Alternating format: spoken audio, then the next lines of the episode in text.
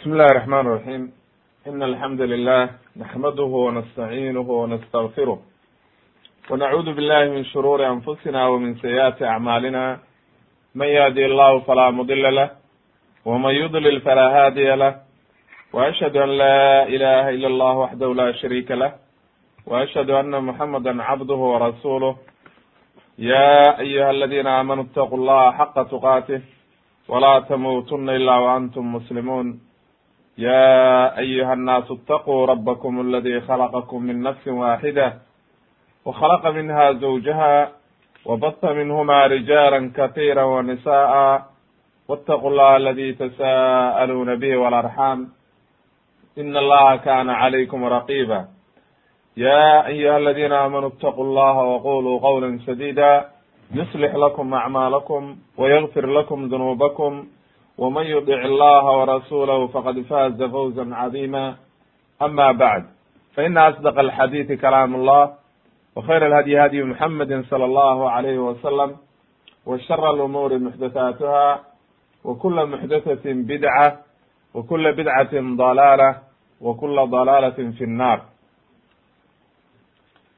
in sha allahu tabaaraka wa tacaala haddii rabi idmo waxaynu ku dhex jirnay qisatu nabiyullahi muusa calayhi salaam oo aynu soo gaarnay qodobka sagaalaad ayaynu sharaxaynaa oo ka bilaabeynaa dersigan. Wuxuu leeyahay qodobkaasi istikbaaru aali fircawn biaayaati illah aayaadkii ilaahay uu yimid oo nabiyullahi muusa ilaahay mucjiso uga dhigay oo fircoon iyo dadkiisii ay beeniyeen oo ay diideen ayaynu halkan ku tafsiilinaynaa qaala ibnu kahiir raximahullah waxa uu yihi walmaqsuudu ana allaha lam yuhlikuhum ila bacda iqaamati lxuja xujaji calayhim wa irsaalu rasuuli ilayhim. Ilaahay ma uu halaagin fircoon iyo qoom kala toonna ilaa uu u diro aayado bayina oo cadcad oo xujadii lagu oogo iqaamatu lxuja ay ku dhacdo oo lagu oogo xujadii oo loo caddeeyo xaqa iyo baatilka loo kala caddeeyo marka iyagu ikhtiyaarkooda ama ay xaqa raacaan ama maaragtay ay raacaan maaragtay baatilka. Wamaa alaknaa min qaryatin ila lahaa mundiruun. Ma jirto ilaahay qaryo uu halaagay oo waxa weeye laga soo bilaabo ilaa qowmu nuux ilaa iyo waxa weeye qoom kasta oo la halaagay. Qoom walba ilaahay wuxuu u diray rasul oo waxa weye walaqad bacatnaa fi kuli ummatin rasuula ummad kasta ilaahay rasuul buu u diray. Aayadana waa la siiyey ay ku gartaan xaqa oo waxa weye si ay xaq u raacaan. Haddaba fircoon iyo aalkiisii ilaahay waxa u diray nabiyullahi muusa aayado cadcadna waa la siiyey. Way beeniyeen marka. Si walba ayuu isticmaalay nabiyullahi muusa. Mar waa la cabsi geliyey marna waa la jeclaysiiyey. Si walba waa loo sameeyey. Qaala tacaala ilahi waxa uu yihi walaqad akhadnaa aala fircawna bisiniina wa naqsin min athamaraati lacalahum yatad lacalahum yadakkaruun ilahay wuxuu yihi waxaanu ku qabanay reer ba maaragtay fircoon iyo aalkiisii dadkiisii qibdigii baa laga wadaa reer masar siniina ay abaar isdaba jooga iyo midihii oo yaraaday si ay bal u xusuustaan oo maaragtay ay wax u kala gartaan oo ilaahay ugu soo noqdaan oo waxa weeye ay arrintan khaladka ay ka baxaan. Fa ida ja'athum alxasanatu qaaluu lana haadihi. Haddii wanaag u yimaado roob iyo wanaag iyo waxa weeye ay nicmo helaan tan annagaa xaq u leh oo mudanay ayay dhahayaan. Wa in tusibhum sayi'atun yatayaruu bimuusa waman macah hadday dhibaata ku dhacdana waxay baasaysanayaan oo leeyihiin dhibaatadaa waxaa noo keenay muuse iyo dadkiisa iyo inta rumaysay ayaa dhibtaasoo dhan noogu wacan ilahay wuxuu yidhi alaa inamaa daa'iruhum cinda allah walaakina aktarahum laa yaclamuun. Macnaha balaayada iyo dhibaatada ku dhacaysa sabab ay iyagu sababsadeen wey oo ilaahay xaggii bay uga timid maadaama iyagu ay kufri la yimaadeen ayaa dhibaatadan loo keenay laakiin waxba ma kala garanayaan. Iyagii marka waxay yidhahdeen bal nabiyullahi muusa say ula hadleen fiiri. Waxay yidhahdeen wa qaaluu mahma ta'tiina bihi min aayatin mahma ta'tiina bihi min aayatin litasxarana biha fama naxnu laka bimu'miniin waxay leeyihiin mahma ta'tiina ay macnaha si walba aad noola timaadid mar walba iyo si kasta iyo heer walba macnaha si kasta oo aad ugu dadaashid inaad aayada la timaadid weligaa haddaad aayada keentid oo aayadahaas aad doonaysid inaad nagu sixirtid aayadihii ilaahay oo dhan sixir bay ka dhigeen waxay dhahan waxaa wadatid oo dhan waa sixir aan waxba ka jirin famaa naxnu laka bimu'miniin kuma rumaynayna li ilaahay markaa ayuu wuxuu u diray ciqaab. fa arsalnaa calayhim duufaana duufaano iyo waxa weeye dabaylo iyo roobab bay culimmada leeyihiin ayaa loo diray ilaahay ku diray. waljaraada waa ayaxa waalqummala waa bahashaan waxa weye noo imaan doontaa culamada dhowr nooc bay ku macnaynayaan. Waxa weeye qumal asalkeeda injirtaa la yihahdaa laakiin mid waaweyn oo khatara oo dadku waxa weye ay isxoqaan oo bela-a baa jirta oo innaga waxa weye aynu aqoonin ama waxa weye kutaanta iyo waxa la mid ah oo mid madmadow oo bela-a cunto dadka. Wadafaadica dafaadicuna waa raha iyo waxa. Wadama dhiig aayaatin mufassalaatin aayado kala duduwan oo waxa weye maaragtay cad oo waxa weye aad iyo aad loo cadeeyey fastakbaruu way ka kibreen oo waxa weye kibir ayay ka qaadeen. Wa kaanuu qawman mujrimiin. Wuxu yidhi waxayn qoom mujrimiina oo xadgudbay. Sida suurat alacraaf. Ilahay marka aayadaha wuxuu inoogu sheegayaa in uu la imtixaamay fircoon iyo iyo dadkiisii. In la imtixaamay. Ibnu kathir wuxuu leeyahay waa la imtixaamay oo ilaahgii subxaana qaadirkaa waa imtixaamay. Markii ay gaaloobeen ayaa horta kow abaar baa lagu imtixaamay oo waxa weeye bisiniina macnaha waxa weeye sanado isdaba jooga oo abaara. oo waxa weeye wax rooba uuna jirin. dhulkii aan waxba ka soo baxaynin xoolihii aan caana laga helaynin aad iyo aad bay u dhibaatoodeen. Leanno abaartu waa khatar wey waa ti maaragtay toddobadii sano oo loogu gargaaray nabiyullahi yuusuf oo kale. Nebiguna uu yihi maaragtay ducooyinkiisa a ka mid ahayd ilaah igu gargaar toddobadii sano. Oo yuusuf oo kale maaragtay siniina ka siniina yuusuf. Macnaha quraysh markuu nebigu habaarayey waana tay ku dhacday oo abaarta isdaba joogah lagu ibtileeyey haddaba waxa weye abaartu waa khatar weye oo dadka hadday abaari ku dhacdo noloshii o dhan baa ciriiri noqonaysa. Leanno midhana la heli mayo wax la beerta la heli mayo roob male waxa weye xoolihiina caana male dhibaataa marka dhacaysa. Iyo waxa weye mirihii oo yaraaday oo waxa weye la yareeyey si ay bal ilaahay xusuustaan oo arrinta u soo noqdaan. Haddana intaasoo dhan kuma ay intifaacin. Waxa uma tarin. Bal tamaraduu calaa kufrihim wa cinaadihim. Waxa ay ku sii socdeen gaalnimadoodii oo waxa weye wax ay tartay ma jirto. Fa ida jaatum alxasana macnaha xasana halkan waxaa laga wadaa bayna culammadu roob iyo barwaaqa haddii la siiyo. Waxa ay leeyihiin iyo wixii la mid ah. Qaaluu lana haadi macnaha abaartii haddii ilaahay intuu ka qaado roob loo keeno oo ay barwaaqoodaan. Waxay leeyihiin annagaa tan xaq u yeelanay oo waxa weye xaq baanu leenahay inaa wanaaggaa hello. Ay macnaha annagaa mudan arrintan qaaluu lana haadi ay nastaxiqu annaga arrintaa mudan oo roobkan iyo wanaaggan waa waxaan xaq ula yeelanay wa in tusibhum sayi'atun yadayaruu bimuusa waman maca.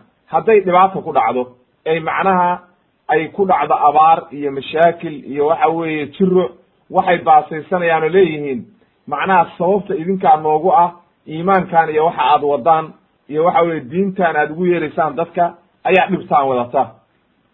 Ilahay wuxuu yidhi marka alaa inamaa daa'iruhum cinda allah ay macnaha sababtaan waxa ilaahay baa dhibaatadan ku keenay. Sababta loogu keenayna waxa weeye waa dunuubta iyagoo ay galeen. Oo waxa weye ma asaabatkum min musiibatin fa bima kasabat aydiikum wa yacfu can kathiir. Macnaha wax walba oo waxa weye dhibaataa dhacaya waa waxaad adigu gacmahaaga ku kasbatay walaakina aktarahum laa yaclamuun. Dadka inta badana ma garanaya.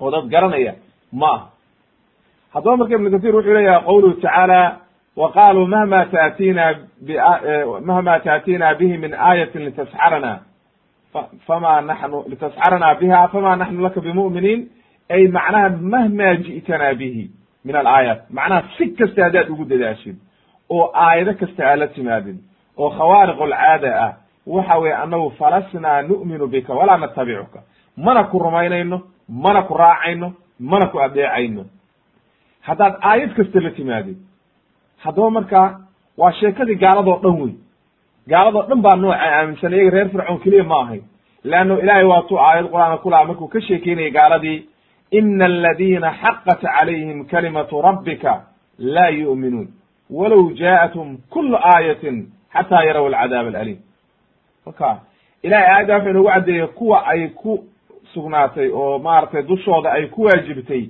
inay naar gelayaan oo waxa weeye gaalnimada loo qoray aayad kasta hadday u timaado ma rumaynayaan ilaa ay waxa weye cadaabkii arkaan. Lakin cadaabka markay arkaan bay rumaynayaan. Oo waxa weye markaa ayay cadaabkii rumaynayaan. Haddaba marka ilaahay wuxuu isku daba dhigay reer fircoon abaaro fara badan iyo dhibaatooyin fara badan waxba waa ku ku waana qaadan waayeen. Mirihii oo laga baabi'iyey xoolihii oo aan waxba maaragtay dee maaragtay caana lahayn waxba lahayn kulli waxba waa ku qaadan waayeen oo waxay ka sii qaadeen inay leeyihiin maaragtay mahma ta'tiina bihi min aayatin litasxarana sixir un baad wadaa bay leeyihiin aayaadkii ilaahay o dhan sixir bay ka dhigeen kullina ma rumaynayna yihahdeen oo waa caddeene waxay yihahdeen fama naxnu laka bimu'miniin. Ma ku rumaynayna dhahanay intaa markay dhacday oo waxa weye abaartii iyo mirihioo yaraaday kulli ay waxba ku qaadan waayeen ayaa waxaa loo diray markaa aayadahan soo socda haddana. Waxa ilahay marka wa ama duufaan duufaanta loo diray leanna ilahay wuxuu leeyahay maaragtay faarsalna calayhim aduufaana waljaraada walqumara wadafaadica waddama aayaati mufasalaatin duufaantan marka maxaa laga wadaa ibn kathir wuxuu yihi wa ama aduufaanu can cabdullahi ibni cabaas waxaa laga werinaya inuu yihi duufaantu waxa weeye kasrat lamdaar macnaha duufaanta asalkeeda waxaa la yihahdaa soomaalidu duufaan bay dhaha waa duufaan wey oo dee da'da. Marka duufaanta waxaa la yihahdaa roobka dabaylaha wata oo wax burburiya oo wax halaaga ayaa la yihahdaa ee aan soo saaraynin miro iyo waxa weye dhulkii ku da'ayn oo waxa weeye maaragtay biyo laga faa'iideyno meel walba duminaya. Waa kan hadda ad aragteen oo waxa weye dabaylaha wata oo waxa weye caalamka mar walba ku dhaca oo waxa weye dabayl xoog le inta wata. Guryihii o dhan baabiinaya meel walba qaribaya oo waxa weye aan wax khayra lahayn wey waa cadaab wey waxa uu yihi maaragtay sidoo kale saciid ibnu jubayr iyo waxa weye maaragtay qataata iyo sudi daxaak ayaa iyaguna saa yidhi oo waxay yihahdeen duufaanta waxaa laga wadaa kasratu lamdaar maaragtay roob fara badan oo waxa weeye dabaylo wata oo aan soo saaraynin mirana soo saaraynin beeraha qaribaya guryaha duminaya wax walba baabiinaya. Roobka ayaa laga wadaa duufaanta. Wa qaala mujaahid waxa uu yihi adduufaanu almaau. Waa biyo weeye oo waxa weye macnaha biyo roob intuu meel walba fadhiistay oo waxa weye meel walba qaribay adugu kolley waa isku dhowdahay. Qawlka waadixa waxa weeye waa qowlka cabdullahi ibni cabaas iyo. Inuu yahay macnaha duufaantu midkaa maanta loo yaqaano oo waxa weeye roobkaa faraha badan oo wato dabaylaha. Oo waxa weye meel walba burburinaya oo meel walba qaribaya oo wax khayra lahayna cadaab iyo ciqaaba. Kaa ayaa laga wadaa duufaanta. Wa ama aljaraadu jaraadku waa macruuf waa baalkan ayaxa oo waxa weye beeraha inta ku degay eber ka dhigaya oo isaguna dhibaatadiisuu leeyahay oo waxa weye markii uu beeraha soo dulmaro oo uu ku dego beerihii o dhan waa baabiinaya. Oo eber buu ka dhigayaa mirihii iyo beerihii soo baxay wixii o dhan waa baaba'aya.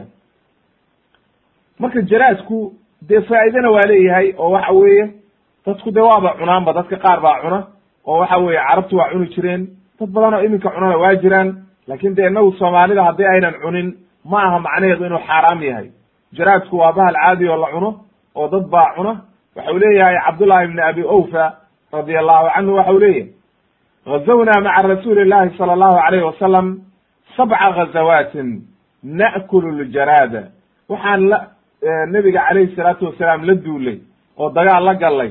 Toddoba dagaal ayaan kala qayb galay buu yidhi.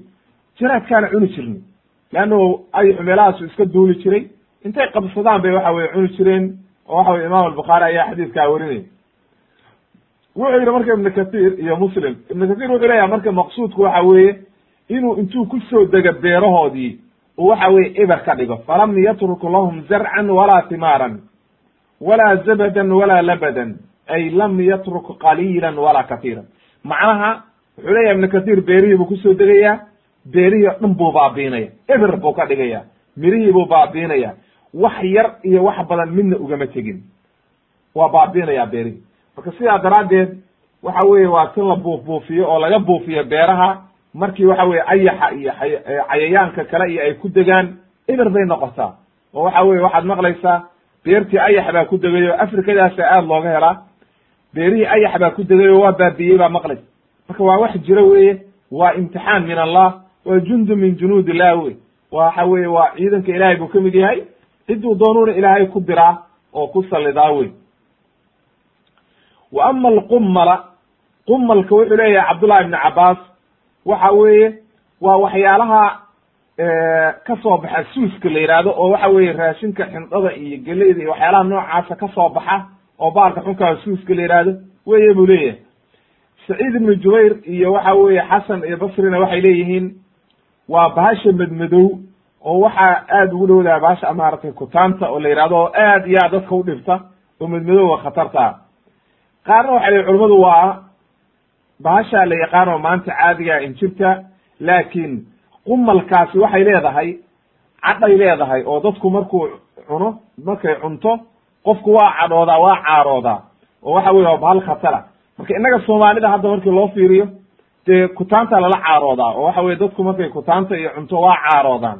Laakiin waxa weeye injirta caadiga oo yaryarka ah oo waxa weye qofka madaxa ay ka gasha waxa weye iyadu saas waxa weye uma dhibadna laakiin midda dhibta badan oo beleda ah waxa weeye waa midda dadka maaragtay ay la caaroonayaan.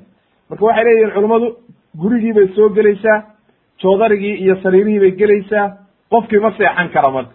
Oo gurigii oo dhan laguma gami karo oo waxa weye qofkii ma gamcayo marka maantao dhanna waa abaaraysan yihiin oo waxa weye beerihii iyo meel walba waa la baabiiyey gurigiina waxa weye bahashaanaa joogta oo gurigii o dhan hurga ma jirto lama noolaan karo wey marka culummada dhowrkaa nooc bay ku fafasirayaan marka qumalkaasi waa baal khatar oo caaro leh. Waxa weye waa tii xadiidkii maratay cabdiraxmaan ibnu cawf iyo uu nebigu xariirta u ogolaaday bahashaasay ku caaroodeen oo waxa weye waa bahal jirta oo waxa weye khatara weye ilaah naga badbaadiye ama dafaadica waa macruuf wey waa bahasha arahda biyaha iyo gasha. Waxay leeyihiin culummadu meel walba oo waxa weye weelkoodii iyo guryahoodii iyo raashinkii iyo meel walba bahashaasaa ka buuxsantay. Ceelkii iyo biyihii bay ka buuxsantay. Ilaa ay leeyihiin culummadu haddii qof uu afkiisa kala furo oo damca cunto cun bahashaasaa ku soo dhacaysa afka ka soo gelay. Marka waxa weye iyadana waa lagu imtixaamay oo waxa weye imtixaanka ayaa kaga dhacay. Wa ama damu dhiiggu muxuu yahay isaguna? Wuxuu leeyahay ibnu kathiir waxay leeyihiin culummadu dhiig baa meel walba qabsaday ceelashoodii iyo biyihii o dhan baa dhiig isku bedelay oo waxa weye ceel alla ceelkay damcaan ka dhaansada webigii niil oo marayey bay damcaan biyo ka darsada mise waxa weye waa dhiig. Oo waxa weye dhiig wuxuu noqday caadiya oo dareeraya oo gaduudan. Marka ceelashii weelashii biyuhu ku jireen berkedihii meel walba bahalkaasaa qabsaday oo waxa waxay noqdeen ba la yidhi dhiig soconaya. Leanna sababtu waxa weeye waa mucjise cajiiba. Waxaa intaasoo dhan marka ka sii daran iyadoo intaasoo dhan lagu ibtileeyey ayaa haddana dadkii la deganaa oo reer bani israa'iil iyagu waa caadi wey oo iyaga gurigoodii ma joogto injir oo waxa weeye waxyaalo kale male oo biyihii iyaga caadiga u yihiin. Webigii niil baa laga wada dhaansanayaa iyagana biyahay darsanayaan reer bani israa'iil waa biyo caadiya kuwaana weelkii markay darsadaan wuxuu noqonayaa dhiig waa imtixaan lagu imtixaamay. Ayay marka arrintaa waxay kutusaysaa mucjizada ilaahay iyo awoodda ilaahay inay arrin aad iyo aad u cajiiba tahay. Wuxuu leeyahay ibn kasiir ka soo guurinaya maxamed ibn isxaaq oo siirada kaga soo guurinaya wuxuu yidhi markuu noqday ninka la yidhaahdo fircoon caduwullah markuu diiday inuu inuu inuu rumeeyo oo saxaradii ay rumeeyeen oo isagu uu diiday ilaa inuu waxa weye la dagaalamo iyo kufri iyo gaalnimo mooye ayaa ilaahay aayadahan u soo diray. Markii ugu soo horreysay waxaa loo soo diray abaar iyo duufaan iyo waxa weeye jaraadka haddana qumalka haddana waxa weye dafaadica haddana damb aayaati mufasiraat markii ugu horreysay marka duufaantaasaa loo soo diray buu yidhi waana biyo waxa weye meel walba intay yimaadaan oo roob meel walba intuu isqabsaday ayay haddana fariisanayaan buu yidhi. Laakiin qowlkii hore aynu ku soo fasirnay oo saxaabada oo ahaa inay duufaantu tahay roobka dabaylaha iyo wata khatartaa kaas ayaa maaragtay u raajaxsan intaa marka markii dhibaataa lagu sameeyey oo dhibaato ay la kulmeen oo ay rumayn waayeen oo waxa weye diintii rumayn waayeen waatay u yimaadeen nabiyullahi muusa. Waatuu ilaahay lahaa walamaa waqaca calayhim alrijz qaaluu ya muusa idcu lanaa rabbaka bima cahida cindaka lain kashafta cana lain kashafta cana arijza lanu'minanna laka walanursilana macaka bani israa'iil halkan ballan bay qaadeen markay dhibaatadii ka badatay oo mashaakilkii ka batay ayay nabiy llahi muusa u yimaadeen waxay yidhahdeen muusow markii dhibaatadii ku dhacday udcu lanaa rabbaka ilaahaaga noo bari rabbigaaga noo bari. Bimaa cahida cindaka wixii uu ku ballan qaaday gargaarkii iyo wanaaggii ilaahay nooga bari. La in kashafta cana rijza haddii xumaantaan iyo dhibaatadan nala ka dulqaado. Oo dina dulqaadidoo timaado sababtaada lanu'minanna laka waa ku rumaynayna oo waxa wey dibdaba kuula dagaalami mayno.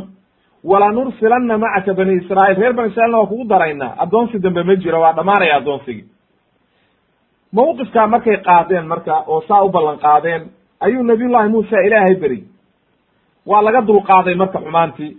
Roob iyaa loogu bedelay abaartii iyo dhibaatadii. Ma aynan oofin marka wixi ay ballan qaadeen. Duufaantii iyo wixii markii laga dulqaaday ballantii kama ay soo bixin. Way diideen haddana. Oo sidoodii bay ku noqdeen mahma taatiina bihi min aayatin litasxarana biha famaa naxnu laka bimuminiin aayad kasta haddaa keentid waxaan ku ramaynayna ma jirto ay haddana dib ugu noqdeen. Haddana arsala allahu calayhim aljaraad waxa uu u soo diray ayixii waxau leeyahay maxamed ibn isxaaq marka waxay soo gaartay macnaha sida lagu soo werinayo inuu meel walba cunay xataa ilaa intuu guryihii soo galay uu masaamiirtii guryaha cunay guryihii ay dumeen xataa. Marka si aad iyo aad ayaa loogu imtixaamay ayuu leeyahay.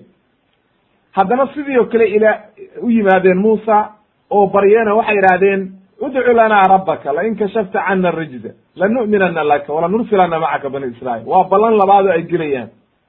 Nabiy llaahi muusa ilaahay buu beriyey waa laga dulqaaday. Haddana waa diideen oo waa oofin waayeen oo ballantii waa ka baxeen. Haddana markaasaa loo soo diray alqummala.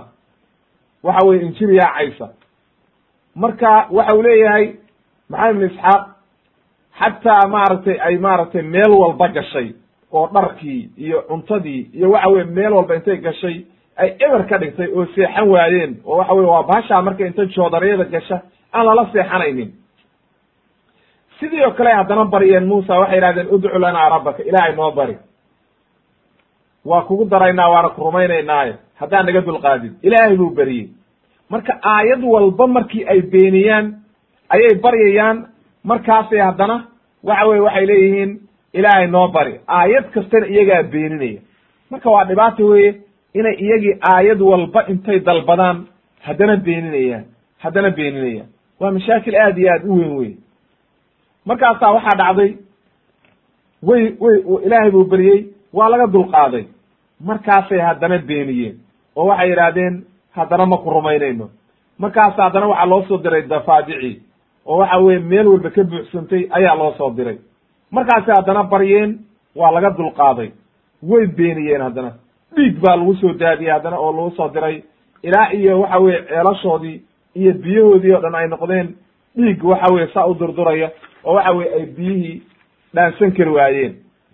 Intaasoo dhan marka oo dhibaataa ayaa waxa weye lagu keenay oo mar walba ilahay waxa u leeyahay maaragtay falama kashafna canhum arijza ilahay waatuu lahaa aayadda qur'aanka falama kashafna canhum arijza ilaa ajalin hum baaliguuhu idaa hum yankutuun macnaha mar walba oo laga dulqaado dhibaatadii wakti loo daayo haddana waxa weye dib bay u noqonayaan faintaqamnaa minhum aakhirkii ugu dambey ilahi wuxuu yidhi waan ka argoosanay oo waxaanu maaragtay ku halaagnay fa agraqnaahum fi lyammi badda ayaa lagu subay biannahum kadabuu biaayaatina waa jamcu aaya wey leanna aayaad fara badan baa isaga daba yimid oo ay beeniyeen wa kaanuu canha gaafiliin way ismoogeysiiyeen waxa weeye way diideen inay raacaan.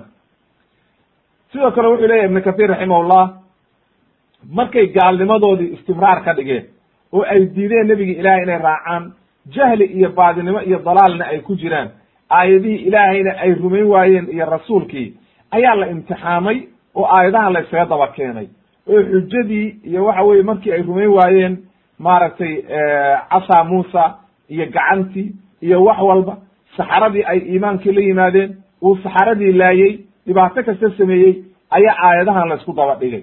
Markaasay mid walba waxay ballan qaadayaan aayad walba markay u timaado intay beeniyaan ayay markay u adkaysan waayaan dhibaatadeeda ayay muusa baryaan oo yidhaahdaan muusow dhibtaa naga dulqaad waa ku rumaynaynaa waxa weye waana ku raacaynaa waana kugu daraynaa reer bani israa'iil. Calaa kulli xaal marka isku soo duuduuba qodobka. Waxa weeye khulaasadiisu waxa weeye nimankaasi aayaadkii ilaahay waa beeniyeen. Wax walba oo aayaadkii ilaahay loo soo diray markay beeniyeenna ilaahay waxa uu soo diray midba mid ka daran ayaa laga daba keenay. Mid walba mid ka daran. Kulli waa beeniyeen. Markay beeniyeen aakhirkii ugu dambayntii ilaahay wuxuu yidhi faintaqamnaa minhum. Waan ka aargoosanay oo waxa weeye ilaahay maratay ciqaabkiisi ayaa ku maaragtay ku waajibay waana la halaagay marka. Qodobka tobnaad aan u soo gudbayna waxa weeye istikfaafu fircoon qowmahu wa atbaacahum lahu. Fircoon oo waxa weeye qoomkiisii inta dullaystay oo wax beena ka dhaadhiciyey xaqii oo dhan ka awday oo ka leexiyey ay raaceen isaga. Qaala ibnu kathiir markuu sheegay maaragtay takdiibintoodii iyo beentoodii waxa uu yidhi iyo macnaha say aayaadka ilaahay ube u beeniyeen. Ilaahaygi subxaana qaadirkaa iyagoo aayadii ilaahay beeniyey ayaa haddana ilaahay u dulqaadanaya. Leanno ilahay waa dulqaad badan yahy waa la fiirinaya. Bal in qaar soo noqdaan bal ha loo sugo aad iyo aad baa loogu cududaaray waa loo dibdhigay ilaahay waa awooday maalintii ugu horreysay markuu fircoon dhaardhaaranayey in gebigiisaba la halaago. Laakiin waxaa la fiirinayaa bal inay maaragtay xaqa loo caddeeyo oo waxa weye iqaamat alxuja leanno ilaahay waa u cududaaraa dadka oo waxa weeye horay kama halaagee waxaa la siiyaa wakti bal uu qofku arrintii kaga fekero bal in la tuso aayaadkii ilaahay kabacdi markay aayaadkii ilaahay beeniyeen ayaa ilaahay intuu ciqaabay oo halaagay waxaa laga dhigay tusaale wax lagu tusaale qaato ummadihii maaragtay ka dambeeyey o dhan ay ku tusaale qaataan ayaa laga dhigay qaala tacala ilahi waxa uu yidhi walaqad arsalnaa muusa biaayaatina ilaa fircawna wa mala'ihi. Faqaala inii rasuulu rabbi alcaalamiin fircoon ayaa nabiyullaahi muusa ayaan u dirnay oo aayaadkayagii wata ayaan u dirnay fircoon iyo dadkiisii. Markaasi waxay markaasuu muusa waxa uu yidhi inii rasuulu rabbi alcaalamiin war waxaan ahay rasuul ilaahay soo diray.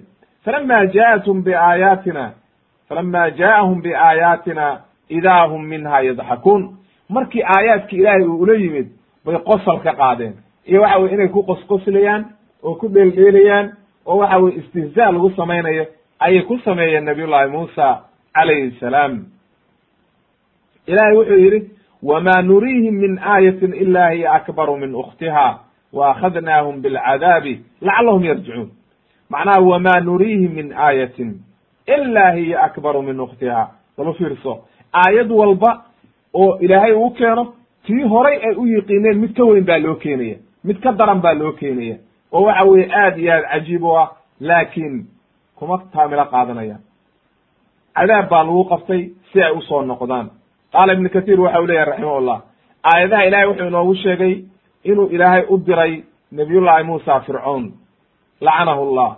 Haddana aayado lagu xoojiyey aayado aad u waaweyn kullina uu la qaabilay aayaadki ilaahay inuu beeniyey oo uu raaci waayey xaqii ilaahayna uu diiday inuu maaragtay siraadkii mustaqiimkaa u raaco uuna ka dhigay istihzaa iyo qosol iyo beenbeen. Iyo waxa weye inuu dadkii maaragtay dariiqi ilaahay ka leexiyo oo waxa weye dariiqii xaqa ahaa uu dadkii ka leexiyo oo waxa weye uu been ka dhaadhiciyo o yihahdo anaa rabbakum ulaclaa aayaad baa markaa ilaahay u diray maaragtay israac raacay oo isdaba jooga mar alla markay aayadii u yimaadeen ayay maaragtay diideen markaa wa qaaluu waxay dhahen yaa ayuha asaaxiru ducu lanaa rabbaka bima cahida cindak. Marka aayad walba markay timaado middaasi markay dhibto ayay marka dambe markaas dhibtii markay u dulqaadan waayaan ayay baryaan isagii. Oo waxay yidhahdaan bal hadda halkaa fiiri aayaddan waxay leyihin marka hore yaa muusa bay lahayen laakiin halkan waxay leeyihiin yaa ayuha asaaxir halkan marka ibnu kathiir wuxuu leeyahay yaa ayuha asaaxir lafdigan saaxirka agtooda ceeb kama ahayn iyo n iyo maarata inay nusqaaminayaan oo ka dhigayaan wax liita. Leanna sababtu waxa weeye culummada xilligaa joogtay waxaa loo yaqiina saxara culimo kale ma jirin.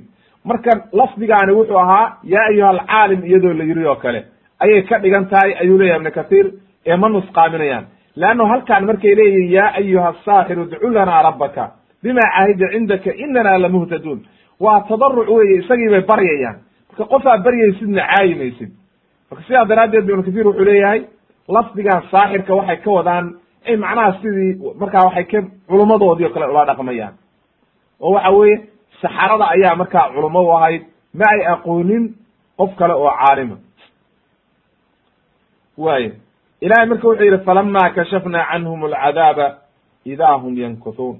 Mar alla markii ay maaragtay cadaabkii laga qaado ayaa haddana dib u noqonaya. Haddaba marka macalshaahidkeenu qodobkan waxa weeye intaasoo aayadaa markii la tusay ayaa fircoon intuu isla weynaaday oo naftiisii isla weynaatay oo kibir uu galay boqortooyadiisii uu fiiriyey awooddiisii uu fiiriyey ayuu waxa uu yidhi intuu hadlay oo waxa weye isagoo ku faamaya dahabkii uu haystay iyo waxa weeye xoolihii uu haystay iyo madaxnimadii iyo hadalkiisii isagoo ku faamaya. Ayuu waxa uu hadlo wuxuu yidhi muusena liidaya oo ka dhigaya waxaan waxba ahayn ayuu qoomkiisii la hadlo wuxuu yidhi am ana khayrun min hada aladi huwa mahiinun walaa yakaadu yubiin ma aniga iyo waxa weeye ninkaan kaa khayr badan maanaa khayr badan mise ninkaan eberkaa oo waxa weye aan hadli karinba oo liita oona waxa weye hadalkaba bayaanin karin. Horaan u soo sheegnay hadal bayaanintaas macnaha inuu carabka xoogaa shigshigi jiray nabiyullahi muusa oo waxa weye ay sababna ugu keentay inay carabka waxa weye dhimbildaba oo hadda ka hor waxa weeye isaga laftigiisu imtixaamay. Marka waxa weeye wuxuu ku ceebaynaya wuxuu leeyahy ninkaan hadalkaba ma caddayn kare see nebi looga dhigay. War ilaahay baa ninkaan doortay haddaad adigu marka aftahan tahay ama hadal caddaynaysid hadal caddayntaad waxba tari mayso leanna ilaahay kuma dooran wey oo rabbi baa doortay ninkaan qaala tacala ilahi wuxuu yidhi haddana markaa fircoon waa hadlo wuxuu yidhi falowlaa ulqiya calayhi aswiratu min dahabin. Wuxuu ku faamayaa leanna waa wax jaahila oo waxa weye gaala dahab buu meel walba intuu iska soo lulay bu wuxuu isagu ku faamayaa maa dahab la siiyo. Oo waxa weye oo dahabka ma naagba. Naagaha ayaa dahab qaata. Oo waxa weye isku qurxiye. Muxuu dahab uga baahan yahay nabiyullahi muusa? Nin raga oo waxa weye ilaahay sharaf siiyey. Oo waxa weye ilaahay nebi ka dhigay. Oo rasuula oo ilaahay la hadlayo. Oo waxa weye mucjisaad la siiyey. Muxuu dahab uga baahan yahay iyo waxa weye isqurqurxin? Waxa weye waxaa ragga uma qalanto nin dahab isku qurqurxinaya hadda waa nimaan caqli lahayn wey dumarka ayaa loogu talagalay awaman yunashau fi lxilyati wa huwa fi lkhisaami gayru mubiin? Dumarka ayaa lagu qurxiyaa dahabka. Oo waxa weye maadaama ay maaragtay naaqis yihiin oo waxa weye raggi aynan la mid ahayn ayaa ilaahay lagu ugu talagalay dumarka in lagu dhamaystiro lagu qurxiyo waxa weye maaragtay dahabka. Wuxuu kaloo yidhi ow jaa macahu lmalaa'ikatu muqtariniin maxaa dahab haddii aan lasi maaragtay lagu soo dejin bu yidhi. Ama waxa weeye maa lagu soo dejiyo malaa'igtu may timaado oo malaa'ig la socota oo u markhaati kacda oo waxa weeye difaacda maxaa loo soo dejin wa ama fiirso jaahilnimadiis haddaba haddii arrintaani ay tahay macnaha malaa'ig may u markhaanti kacaan. Awalan haddii wuxuu leeyahay ibnu kahiir raximahullah hadduu ka wada malaa'igtu maxay u weyneyn waayeen? Oo tacdiimiyaan oo waxa weye malaa'ig waxa weeye la socota oo waxa weye arrintiisa wanaagiisa sheegta maxaa loola soo diri waayo malaa'igtu waxay weyneeyaan oo u tawaaducaan dad aad iyo aad uga hooseeya kana liita nabiyullahi muusa calayhi salaam. Leanno nebiga waxaa ka sugnaatay inuu yidhi ina almalaa'ikata malaa'igtu latadacu ajnixataha liطaalib alcilmi ridan bima yadlub bal fiirso nebigu wuxuu xadiidkaa inoogu caddeeyey malaa'igtu inay garbaheeda u raariciso qofka daaliba cilmiga oo diinta baranaya iyadoo ka raaliya waxa uu samaynayo. Xadiidka dayaalisi ayaa wariyay wa saxaxu sheekh albani fi saxiixi iljaamic kun iyo sagaal boqol iyo konton iyo lix. Haddaba marka hadday malaa'igtu daalibi cilmigii ay saas waxa weye garbaha ugu raaricinayso oo ay u hareynayso oo ugu tawaaducayso maxaad moodaa nabiyullahi muusa oo waxa weye kaliimullah ah ilaahay la hadlay ilaahay doortay oo waxa weye min ululcazmi oo rasuul ah oo waxa weye maxaad moodaa marka xaggee baa marka tawaaducoodu seebuu noqonaya. Hadduu u jeedo oo ulajeedadiisu tahay buu yidhi ibnu kathiir may u markhaanti kacaanna hadda ilaahay wuxuu ku ayeday wax malaa'ig ka weyn oo waxa weeye wax mucjize ah oo waxa weye qof walba oo caqli la garanayo oo waxa weeye ul noqonaysa abeeso ama gacan waxa weeye marna caadiya marna dayaxoo kale ifaysa hadda waxa weeye waxa ka badan oo aad rumayn lahayd maxay? Qofkii marka xaqa doonaya oo doonaya inuu sawaabti raaco waxa weeye waa ujeeda oo waa wuxuu raaci karo. Qofkii ilaahay xaqa ka indha tirana hadda malaa'ig waxba ma tari karto. Oo waxa weeye malaa'igtu qofaan ilaahay hanuunin ma hanuunin karaan xaqana ma tusi karaan. Haddaba qowlkiisan dadka ayuu doonayaa inuu xaqa kaga leexiye oo waxa weeye istikfaaf uu ku samaynayaa maskaxda ka xadayaaye qowlkiisaan inuu baatil yahay isna waa og yahay qof walba oo muslimana waa ujeeda qaala allahu tacala ilahi waxa uu yihi faاstakhafa qowmahu faadaacuu inahum kanuu qowman faasiqiin ay macnaha fastakhafa maskaxdu ka xaday.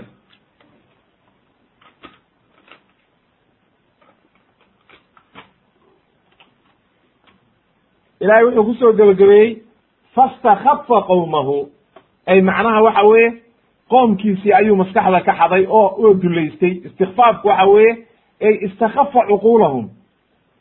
Leanna way rumeeyeen oo waxay ku rumeeyeen markuu yidhi ana rabbukum ulaclaa way rumeeyeen oo way raaceen. Marka fastakhafa qowmahu qoomkiisii macnaha isaga ayaa dulaystay oo caqligu ka qabsaday oo caqli xumo ayay ku raaceen. Fa adaacuu way adeeceen inahum kaanuu qowman faasiqiin. Waxay ahaayeen qowm faasiqiina oon waxba kala garanaynin oo juhalo ah oo waxa weye wax ay kala og yihiin ayna jirin wey haddana ilahay wuxuu yidhi markaa oo ku khatimay falama aasafuna intaqamna minhum faaqraqnaahum ajmaciin fajacalnaahum salafan wa mathalan lilaakhiriin markii ay rumay waayeen oo waxa weye laga quustay ilahay waa halaagay marka. Waka waa laga argoostay oo ilahay waa halaagay. Badda ayaa lagu shubay waana inoo imaan doontaa tafsiilkeeda sida loo halaagay iyo waxa weeye ilaahay siduu badda ugu shubay laakiin waxaa cibro qaadasho ah macnaha in laga dhigay wa mathalan lilaakhiriin macnaha waxay noqotay dad dadka ka dambeeya. Innaga iyo waxa weye cid alle ciddii ka dambaysaba wax ay ku cibro qaataan oo kaga digtoonaadaan dhibaatadaa ku dhacday oo kale inayna inagu dhicin. Qaala tacala ilahi waxa uu yidhi aayad kale wastakbara huwa huwa fircoon baa laga hadlaya wastakbara huwa isaga oo fircoona iyo wa junuuduhu iyo waxa weeye ciidankiisiiba fil ardi dhulka ayay kibir iyo waxa weye isla weyna ku sameeyeen bigayri alxaqi iyagoo waxaan xaqi ulahayn macnaha xaq darra ayay sameeyeen oo dhulkii bay waxa weye fasahaadiyeen ilahay marka wuxuu yidhi wadannuu anahum ilayna laa yurjacuun waxay u maleeyeen inaan ilahay xaggi loo soo celinaynin oo waxa weye ayna dhimanaynin oo ilaahay maaragtay la soo saarayno hadhow aakhire la keenaynin ayay u maleeyeen oo waxa weye ilahay ba waa beeniyeen de. Fa akhadnaahu ilahay wuxuu yidhi waanu qabanay wa junuudahu iyo ciidankiisiiba fanabadnaahum fi lyami badda ayaan ku yaacinay oo baddaa lagu tuuray. Fandur kayfa kaana caaqibatu dhaalimiin bal fiiri baa layihi sida ay noqotay cirdambeedkoodii kuwii dhaalimiinta ah. Wa jacalnaahum a'imatan yadcuuna ila annaar. Waxaanu ka dhignay a'imo naarta dadka ugu yeeraysa wa yowma alqiyaamati laa yubsaruun leannahu fircoon dadka naar buu ugu yeerayy oo waxa weeye naar buu ugu yeerayay qoomkiisii o dhan naar buu ku shubay oo waxa weye uu ugu yeeray marka imaam ayuu u yahay isagaa naarta leanna imaam waxa la yidhaha wixii la raaco marka qofkii baatil lagu raaco waxa weeye waa min a'imati ducaati ahli naar wey oo waxa weye naar buu ugu yeerayaa qofkii aakhirana waxa wax u gargaara helmayaan wa atbacnaahum fi hadihi dunya lacnatan wa yowma alqiyaamati hum min almaqbuuxiin adduun iyo aakhiraba waa halaagsameen fircoon iyo qoomkiisii adduun iyo aakhiraba waa halaagsameen qaala ibnu kathiir wuxuu yihi raximahullah markay xaqii ilaahay diideen inay raacaan oo ay waxa weeye ka leexdeen oo ay kibreen ayaa rabbigii subxaana qaadirka oo ay fircoon macnaha raaceen ayaa ilaahay intuu u carooday oo waxa weye uu arkay maaragtay inayna wax khayra kuwaani lahayn ayaa badda lagu shubay markaa oo la halaagay oo waxa weye isaga iyo ciidankiisii iyo kulli fii sabiixatin waaxida hal subaxnimo ah daqiiqad gudaheed ayaa inta badda lagu halaagay ayaan hal xaba ka harin oo la halaagay wey way haddaba waxaan u soo gudbaynaa marka halaagaas ayaynu tafsiilinaynaa iyo sidii loo halaagay iyo dhibaatadu say ugu dhacday fircoon iyo qoomkiisii ayaynu marka halkan ku tafsiilinaynaa insha allahu tabaraka watacaala qaala ibnu kathiir waa qodobka koob iyo toban dikru halaaki fircoon halaagii la halaagay iyo junuudkiisii ciidamadiisii la halaagay ayaynu ku tafsiilinayna qaala ibnu kathiir raximahullah lama tamaadaa qibdu misr calaa kufrihim wa cutuwihim wa cinaadihim mutaabacatan lifircawn limalikihim fircoon macnaha markii ay kibreen oo xaqii diideen inay raacaan oo ay gaalnimadii ku adkaysteen ayna raaceen gaalkoodii ugu weynaa oo fircoon xaqii ilaahayna diideen oo nebigii ay khilaafeen oo waxa weye rasuulka ilaahi loo soo diray muusa ay khilaafeen xujajkii iyo aayadihii loo keenayo dhanna ay beeniyeen oo waxa weye kulli ay diideen ayaa markaas ay aayadihii ay arkeen oo dhan waa diideen. Dad yarna ay ka rumeeyeen waxaa la leeyahay marka dadka rumeeyey saddex qof waa la hubaa. Saddexdaasi marka waxa weeye bay yihahdeen culummadu sen awal soo sheegnay. Imra'atu fircawn asiya iyo ninkii mu'minka ah oo aynu soo marnay oo waxa weeye xiwaarka dheer la galay iyo ninkii u naseexeeyey nabiyullahi muusa oo magaalada koonaha inta ka soo orday wa jaa'a rajulu min aqsa almadinati yascaa qaala ya muusa ina almalaa ya'tamiruuna bika liyaqtuluuk fakhruj inii laka min annaasixiin ninkaa saddexdaas waxa uu leeyahay cabdullahi ibnu cabaas sida uu ka weriyey maaragtay ibn abi xaatim saddexdaasaa wax qibdiga rumeeyey muraadkiisa marka cabdullahi ibnu cabaas waxa weeye ay hayra saxara leanna saxaradii iyagu kulli waa rumeeyeen saxaradu marka nooc walba ha ahaadeen qaar waxay leeyihiin culummadu waxay ahaayeen qibdi qaarna waxay leeyihiin way isku jireen allahu aclam marka marka saxaradu iyagu jumlatan saxaradii waa rumaysa. Fa ulqiya asaxaratu saajidiin ayuu yidhi ilaahay. Hal midna lagama soo reebin. Qaaluu aamanaa birabbi alcaalamiin rabbi muusa wa haaruun.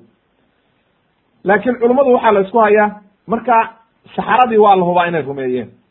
Saddexdaa qofna waa la hubaa. Reer bani israa'iilna waa la hubaa. Oo shacabkii reer bani israa'iil oo dhan waa rumeeyeen. Intaa waa la hubaa waxaa la isku hayaa oo kale markay culimadu leeyihiin qowluhu tacaala famaa aamana limuusa ila duriyata min qowmihi calaa khawfin min fircawna wa malayhim an yaftinahum. Qowlkaas famaa aamana limuusa ila duriya duriyaddaasi waa kuwe. Duriyaddaasi ma reer bani israa'iil ba oo damiirkaana ilaa duriyatu min qowmihi xaggee bay u noqonaysaa. Ma nabiyullahi muusa baa qowlkaasi u noqonaya damiirkaasi caa'idun calaa fircawn miya mise waa caa'idun calaa muusa.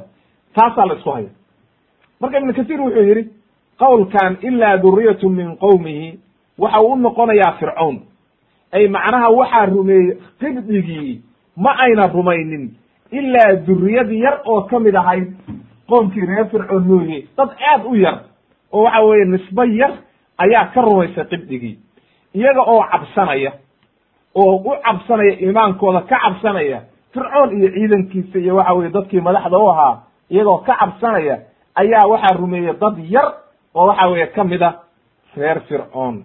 Ayuu leeyahy ibnu kathiir. Culamada qaarna waxay dhahan maya e waa muusa ay macnaha ilaa duriyatun marka qowlka ah maaragtay fircoon ayuu daahirku ayidaya aayadaha daahirkooda iyo siyaaqoodu qowlkaasu ayidaya leannahu reer bani israa'iil say u dhamaayeen waa rumeeyeen.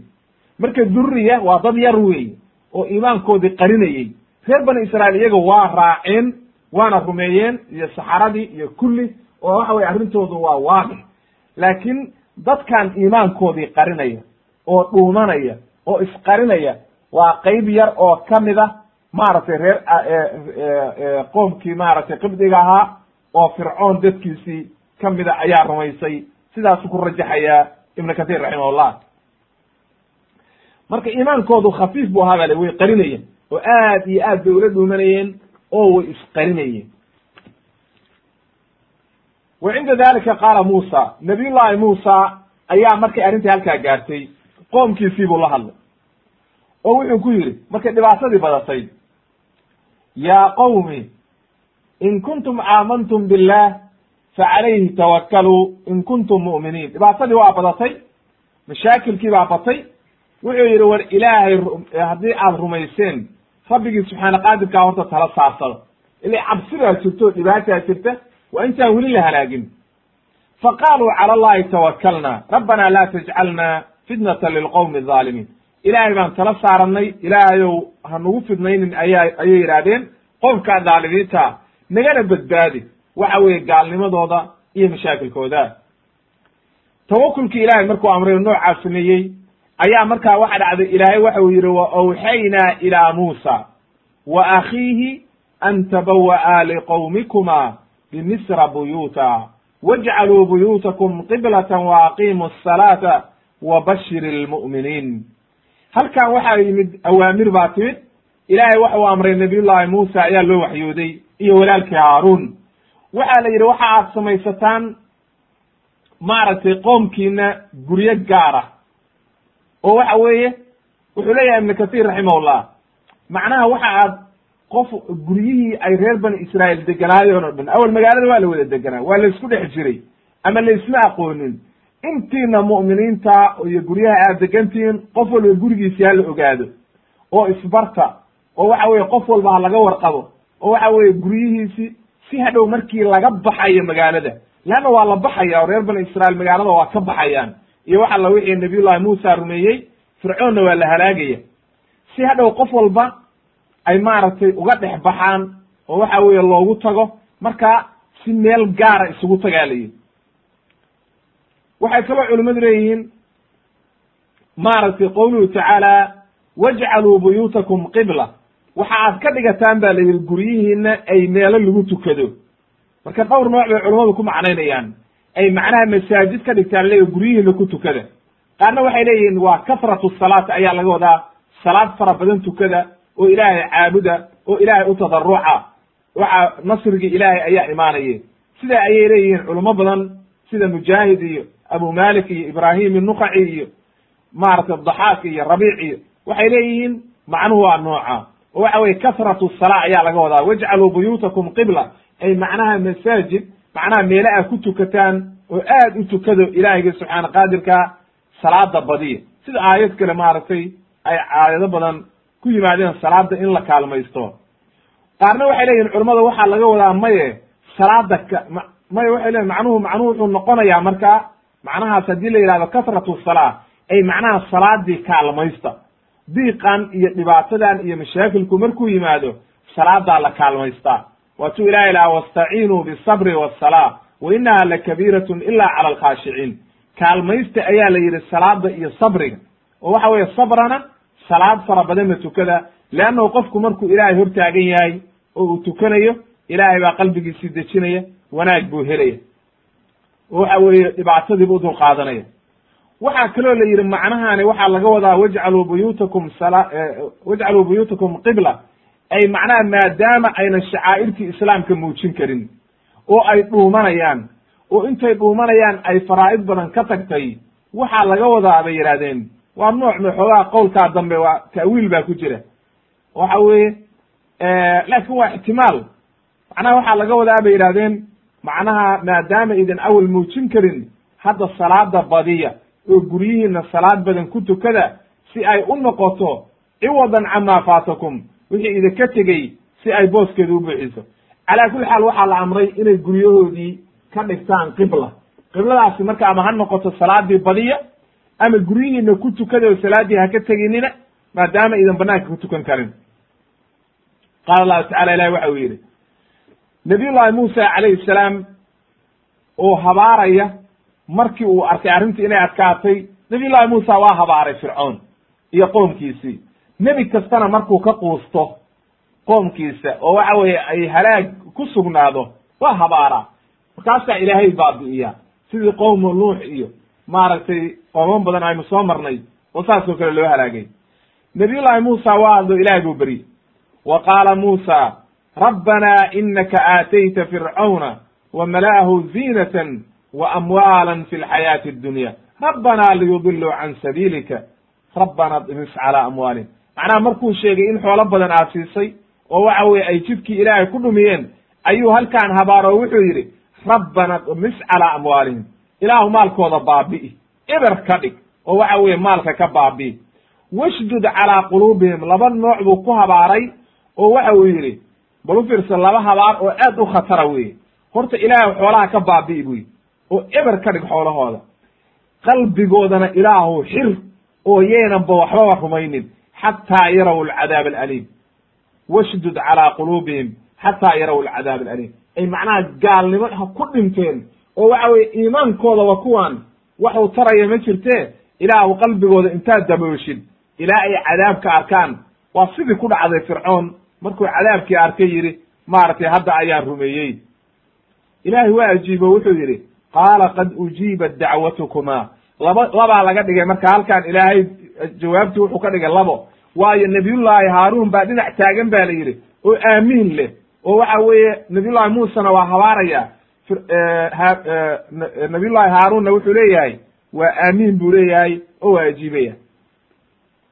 Ilahay marka wuxuu yidhi qad ujiibat dacwatukuma. Dacwadiini waan ajiibay. Fastaqiima walaa tattabicaani sabiila aladiina laa yaclamuun toosnaadaa la yidhi idinku. Oo waxa weeye jidka xaqaa ku taagnaada. Hana raacinina dadka aan waxba kala garanaynin dariiqooda fi suurati yunus ay ilahay aayadaha keenay. Qaala ibnu kathiir waxa u leeyahay aayadahan isagoo ka hadlaya hadihi dacwatun cadiima. Waa duco aad waa habaar aad iyo aad u weyn oo waxa weeye nabiyullaahi muusa uu ku habaaray cadowgii ilaahay fircoon isagoo u carooday oo ilaahay darti u carooday.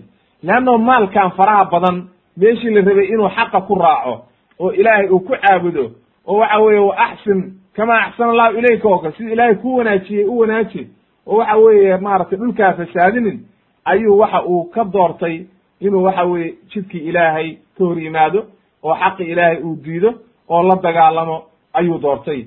Markaasu waxa weye gaalnimadiisii uu ku sii socday. Markaasuu habaaray oo yidhi maaragtay ilaahay oo xoolahan ka baabi. Ay macnaha waxa uu ku kadsoomayba waa xoolahan macnaha xoolahan faraha badan oo aad siisay ayuu ku kadsoomay markaasuu dadkiina ku kadsoomayaano waxay dadkii juhaladaa u malaynayaan inuu ninkaana wax fiican yahay leanna xoolo badan buu haystaa. Qaaruun bay inoogu imaan doontaa. Inay dadka waxba kala garanayni odhanayaan ya layta lanaa mitla maa uutiya qaaruun. Ilaa wax qaaruun la siiyo kale maa nala siiyo. Wuuna habaaray marka wuxuu yidhi ilaahayow maaragtay xoolahana ka baabi'i ilaahu halaagne marka rabbana dhimis calaa amwaalihim ayay laba macne culummadu ku fasirayaanoo cabdullahi ibnu cabaas iyo mujaahid iyo waxay leeyihiin ay ahlikha ilaah xoolahooda baabi'iyo eber ka dhig weeye. Qaar kalena waxay leeyihiin sida abulcaaliye iyo rabiic iyo rabiic ibnu anas iyo daxaak iyo waxay leeyihiin ijcalha xijaaratan ilaah xoolahoodaba dhagxan ka dhig.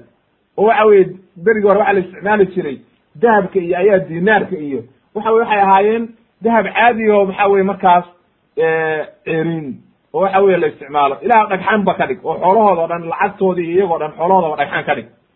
Marka waxaa laga warinayaa inuu yihi maxamed ibn kacbin saarat amwaaluhum kulaha xijaara. Xoolahoodiiba dhagxan bay noqdeen. Marka waxa weye dacwadaas ilaahay waa ajiibay. Leanna waxay ahayd dacwo uu ilaahay u caro ilaahay daraaddi ayuu arrintaa u sameeyey u habaaray.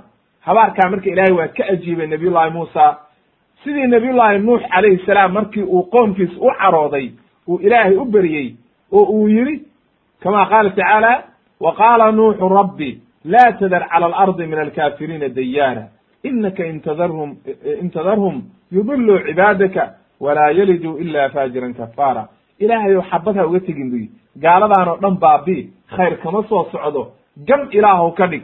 Sidaasoo kale marka ayuu nabiyullaahi muusana u habaaroo waxa uu yidhi ilaahayow xoolahana ka baabi qalbigoodana xir oo yeena rumaynin ilaa ay arkaan cadaabta oo waxa weye ay halaagsamaan.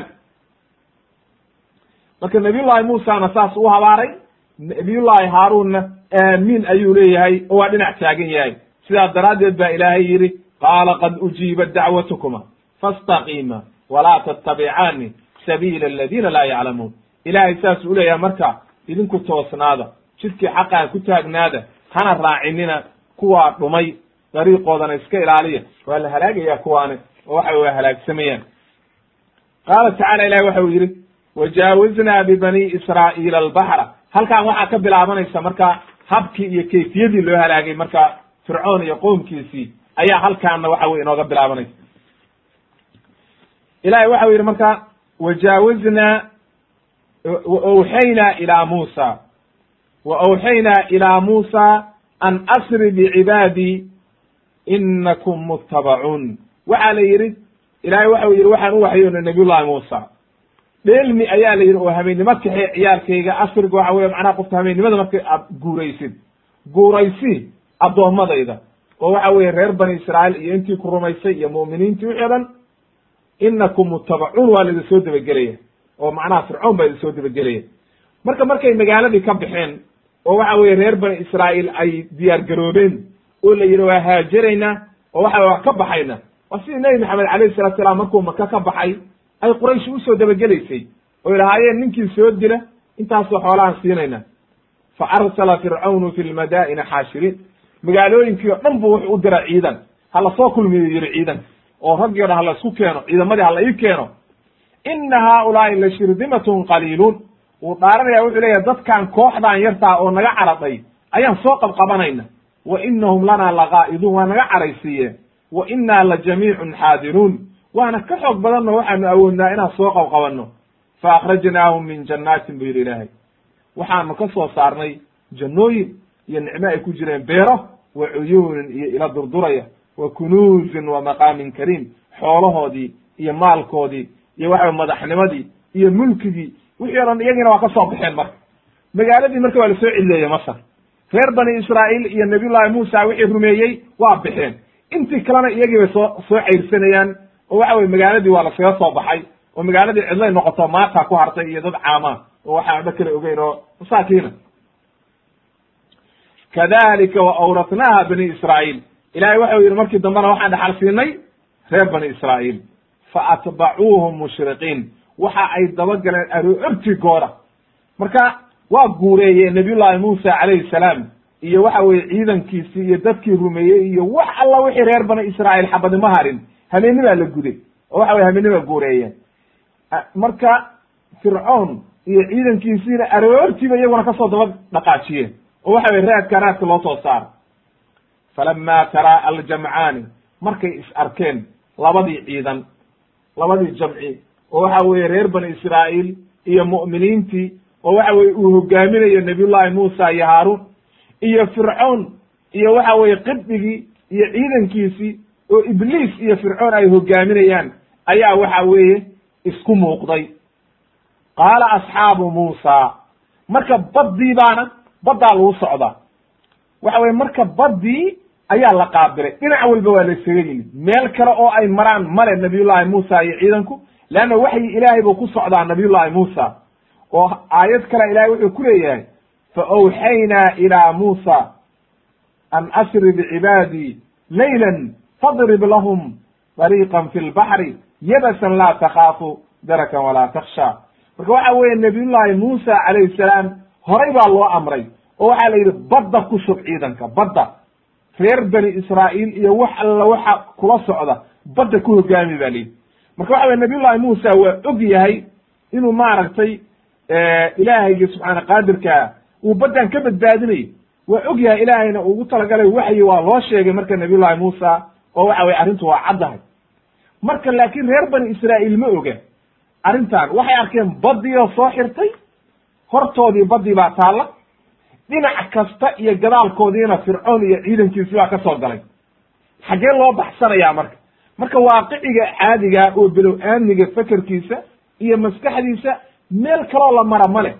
Laakiin hadda ilaahaygii wax walba awooda. Oo in allaha calaa kulli shayin qadiir. Hadda baddaasaa waxa weye wadda looga saaraya. Qaala asxaabu muusa waa hadleen. Reer ba dadkii muusa waa hadleen oo waxay yidhaahdeen innaa lamudrakuun waana la soo gaari waa kuwaan dadkii baddiina waa tan. Maxaa xala qaala kalla kallaa buu yidhi. Macnaha waa diiday oo wuxuu leeyahay ma jirto ina la soo gaaray mana na soo gaari karaan. Inna macii rabbii sayaadiin allahay baa ila jiro i hanuuninaya oo waxa weye dariiqa xaqa igu toosinaya halkaa markay arrintii gaartay oo badda xeebteedii la tuban yahay oo la soo gaaray kuwaana waxa weeye kaabiga ugu soo hayaan oo ku soo dhow yihiin ayaa ilaahay wuxuu yidhi fa awxaynaa ilaa muusa. Nabiy llahi muusa baan u waxyoonnay an idrib bicasaaka albaxra ku dhufo waxa weeye gacanta ushaada waxaad ku dhufataa badda. Ku dhufa baa la yidhi badda. Fa kaana kullu firqin kaطawdi alcadiim inay intay kala dilaacday baddii oo waxa weeye saa u kala dhaqaajisay meeshii markuu ku dhuftay ushii ayay waxay lootay laba qalba. Badii o dhan waa kala boodi. Markaasaa waxaa ka soo baxay waddo waxa weeye saas dariiq waadixa oo waxa weeye qalalan oo waxa weye aan looga cabsanaynin inuu qofna ku dhaco ayaa waxa weye meeshii ilaahay uga saara. Markaasaa la yidhi gala marka socda wa azlafnaa hama alaakhariin. Nabiyullaahi muusa calayhi salaam iyo ciidankiisii iyo dadkii rumeeyey kulli waa ka bixeen. Oo waxa weeye halkaasay socdeen. Kabacdina markaa ayaa waxaa soo galay iyagiina ilaahay waxa yidhi waxaanu ku soo kaxayna haddana oon soo raacinay maaragtay fircoon iyo waxa weeye qoomkiisii. Marka waa tan ilaahay maaragtay marka waynu sharaxaynaa bal sida ibnu kathiir u sharaxay iyo mufasiriinta iyo culummadu ayaynu u tafsiilinaynaa. Aayadaha intaa hore waa macnahooda ijmaalka. Ah culamaau tafsir waxay yidhahdeen fircoon iyo ciidankiisii maaragtay markii ay bixeen reer bani israa'iil iyo muusa ayay iyagiina waxay ka soo daba bixeen iyagoo fardahoodii iyo ciidankoodii iyo hubkoodii aan waxba la harin. Waxba aan la harin. Ayay waxa weye soo dabagaleen oo waxa weye raadka raadka loo soo saaray waxay soo kaxaystay baa la yidhi fircoon ciidan aad iyo aad u fara badan. Waxay leeyihiin culammadu taariikhdu waxa ay qortay ciidankaa fardaho fardihiisa keliya inay boqol kun oo faras ay ka badnaayeen macnaha ragga fardaha saaran oo fardaha dee weerarka hore ku jira ayaa waxay gaarayeen ba layihi boqol kun. Ciidanka kalena iskaba daaba alfa alfa macnaha kun kun lagu dhuftay ayay ka badnaayeen ba li macnaha qibdigu aad bay u badnaayeen dad aad u fara badan bay ahaayeen waa la halaagay oo waxa weye maalintaa ayay halaagsamaane hala ilaahay halaagaye ciidan aad u fara badan iyo boqortooyo xoog leh oo aad u fara badan bay ahayd faraacintuna weligeeday soo jirtay oo waxa weeye ilaa iyo maaragtay nabiyullaahi ibraahim waktigiisii ayay boqortooye ahaayeen. Oo waxa weye waa ti maaragtay jabbaariin baa isaga wada dambaysay. Nabiyullaahi maaragtay yacquub iyo yuusuf iyo xilligoodii kulli waxay ahaayeen wada boqortooye xoog leh waxay leeyihiin marka culimmadu waxay leeyihiin ciidankiisii faraha badnaa iyo waxa weye maaragtay ilaa lix boqol oo kun ilaa ku kumaankum la leeyahay ayay waxa weeye soo dabagaleen. Fardihiisii aad u fara badnaa waxaa leeyahy reer bani israa'iilna waxay ahaayeen lix boqol oo kun ragga dagaalami kara. Iyo waxa weeye dadka masaakiinta dumarka iyo carruurta iyo wixii la jiro masaakiina. Marka waxaa udhexaysay buu leeyahay ibnu kathir raximahullah awal reer bani israa'iil dhulkan masar waxay yimaadeen markuu yimid yacquub calayhi salaam. Nabiyullaahi yuusuf waa tuu yimid. Markuu yimid nabiyullaahi yuusuf kabacdina waa ti nabiyullaahi yacquub iyo waxa weeye duriyadiisi ay yimaadeen. Marka dadkan maanta nabiyullaahi muusa raacaya oo waxa weeye la socda oo reer bani israa'iil oo la addoonsaday waa duriyadii nabiyullaahi yacquub. Leanno yacquub ayaa la yidhahdaa israa'iil. Waxaa la yidhi marka waxa udhexaysay nabiyullaahi yacquub maalintuu soo galay masar iyo maali maanta oo uu ka baxayo nabiyullaahi muusa iyo reer bani israa'iil ay ka baxayaan afar boqol oo sano iyo waxa weye lix iyo labaatan sano. Afar boqol iyo lix iyo labaatan sana udhexaysay ba la yidhi oo shamsiye ah macnaha taariikhda maalinta lagu tiriyo. Ee aan ahayn taariikhda islaamka oo dayaxa lagu tiriyo. Marka afartaa boqol iyo lix iyo labaatankaas sano ayaa udhexaysay ba li calaa kulli xaal in kasta ha udhexayse ulajeedadu waxa weye culimmadu waxay leyihin sida ibnu kathiir iyo markuu soo dabagalay oo waxa weeye ilaahayna uu amray nabiyullaahi muusa inuu waxa weeye xagga badda u jahaysto ayuu fircoon iyo ciidankiisii oo aad iyo aad u fara badan oo tiradii ka batay ayaa waxa weye dhinac walba ka soo galay. Markay arkeen marka oo ay u muuqdeen inay labadii labadii jamaaca ay is arkeen oo reer bani israa'iil ay arkeen ninkaanoo waxa weeye kaabiga usoohayo ku soo dhow ayaa markaa meel kale iyo waxay sameeyaan ta garan waayeen. Ayay markaa nabiyullaahi muusa la hadleen iyagoo baqaya. Khaa'ifuuna oo waxay yidhahdeen innaa la mudrakuun waana la soo gaaray oo waa kan maanta waa halaagsanay. Baddiina waxa weeye waana horteeda fircoon iyo ciidankiisii o dhan waa kan hadda maanta cidna naga harmayso markaa nala baabiinaya. Nabiyullaahi muusa wuxuu yidhi maya kalaa buu yidhi. Ilaahigii subxaana qaadirkaa ayaa i hanuuninaya ina macii rabbii sayahdiin ilaahay baa ila socda oo i hanuuninaya oo waxa aad sheegaysaan waxba kama jiraan. Ina maciya rabbii sayahdiin halkaa marka markuu nabiy llahi muusa saa ku dhawaaqay leanno nabiy llahi muusa waa waxyi min allahi buu ku socdaa. Oo waxa weeye dariiqan badda mar ba la yidhi.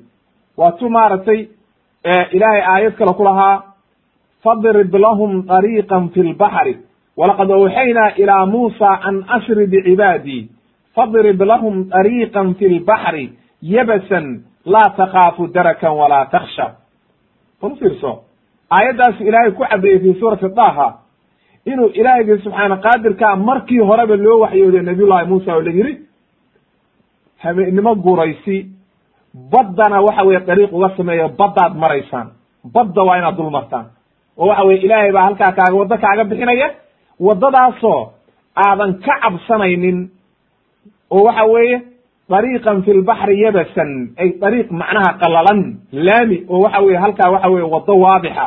Laa takhaafu darakan walaa taksha kana cabsamaysa inay waxa weeye halkaa ama idinla dunto ama dhibaata idinka timaado halkaasaa maraysaan marka nabiyullahi muusa wuxuu leeyahay kallaa ina maciya rabbii sayaadiin. Hadda wuxuu haystaa waxyi min allah oo waxa weye waa nin ilaahay la khitaabayo ee dadkaan caamadaah oo kale ma halkaa ayuu marka nabiyullahi muusa calayhi salaam uu wuxuu ku shubay reer bani israa'iil badduu ku wajahay. Leanno amar baa la siiyey oo waxa weeye waxyi min allahi buu ku socdaa waxaana hareeraha ka socda baa leeyahay oo waxa weye nabiyullahi muusa markaa nabiyullahi haaruun iyo culummadii waxa weye saxaradii raggii rumeeyey raggii macnaha khatarta ahaa oo cidda hogaaminayey ayaa dhinac walba ka taagan oo waxa weye markaa waxa weeye dadkii baa la hogaaminaya. Calaa kulli xaal reer bani israa'iil mowqifku waa mowqif aad u rahiibo oo mowqif adag baa la maraya oo waxa weeye ciddii dhammayd oo reer bani israa'iil oo aan maanta wiil iyo gabari ka harin oo badda lagu soo shubay. Waa arrin aad iyo aad u cajiiba wey ciidankii waxa weeye maanta haddii laga guulaystana aynan waxba kaga tegaynin oo la baabiinayana. Waa ujeedaano waxa waa soo dabagaleen waa mowqif aad u adag calaa kulli xaal markay halkaa arrintii isla gaartay ayaa ilaahay waxau yidhi fa awxaynaa ilaa muusa. Nabiyullahi muusa baan u waxyoonay an idrib bicasaaka albaxr badda ku dhufa baa la yidhi ushaada. Markuu baddii soo dul istaagay ayaa la yidhi ku dhufa usha marka. Markaasuu ku dhufta fanfalaqa. Baddii baa kala booday marka. Oo waxa waxay noqotay biyihii iyo hirkii mawjadii duulaysay. Intay labada dhinac u kala dareedhay ayay waxay noqotay laba buurood oo gebgaboobay oo waxa weye wadda ka dhex baxday. Qaarna culamada waxay leeyihiin reer bani israa'iil koox walba oo reer bani israa'iil leanno laba iyo toban qabiil bay ahaayeen. Laba iyo toban waddaa ka dilaacday waddii markaasay qabiil walba waxa weeye wadda mareen. Leanno dadkii waa badan yahay. Calaa kulli xaal marka daahirku waxa weeye inay waxa weye waddo ilaahay halkaa uga saaray oo waxa weye halkaa ay ka baxeen. Halkaa markay waddadii mareen. Oo waxa weye nabiyullahi muusa calayhi salaam iyo waxa weeye ay ciidankiisii iyo raggii reer bani israa'iil iyo cid alle ciddii rumaysay ay hal masaa isugu shubeen oo koonihii kale baddii uga baxeen. Waxaa la yidhi ninkii ugu dambeeyey markuu ka baxay ayaa qof ayaa fircoon oo ciidankii hogaaminayay iyo ibliis ayaa saa u soo dul istaagay. Waa naxay marka fircoon waa ogaaday. Arrintii waa waa caddaatay. Ninkaan baddu u kala dilaacday. Arrintii waa caddahay marka wuu istaagay marka wuu shallaayey wuxuu is maanta waad fashilantay marka bal haddaad iska joogi lahayd maanta waxa weye waad fashilan tahay leanna waxa weeye maanta halkaa haddii lagaga guulaysto. La ogaaye marka inuuna waxba tari karin?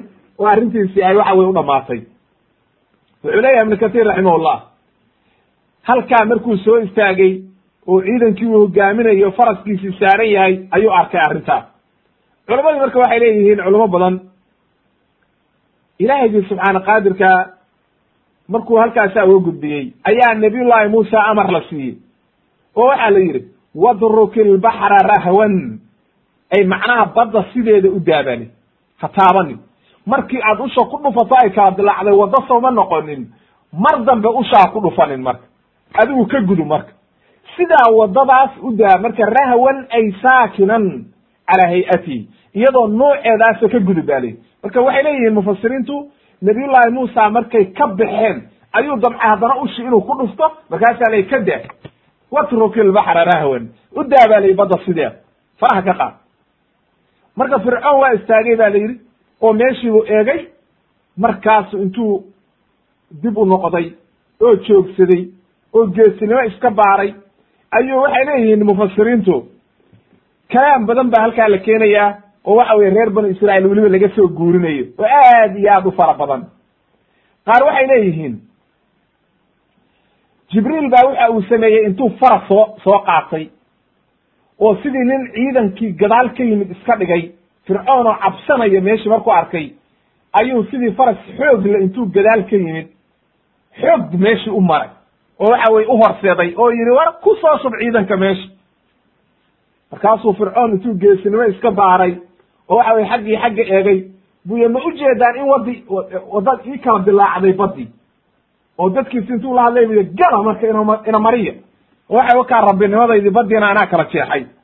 Meeshii wa isku soo shuba marka saasaa loo halaagay bay qaar lehy laakiin ilah baa garanaya oo waxa wax adilaa looma hayo.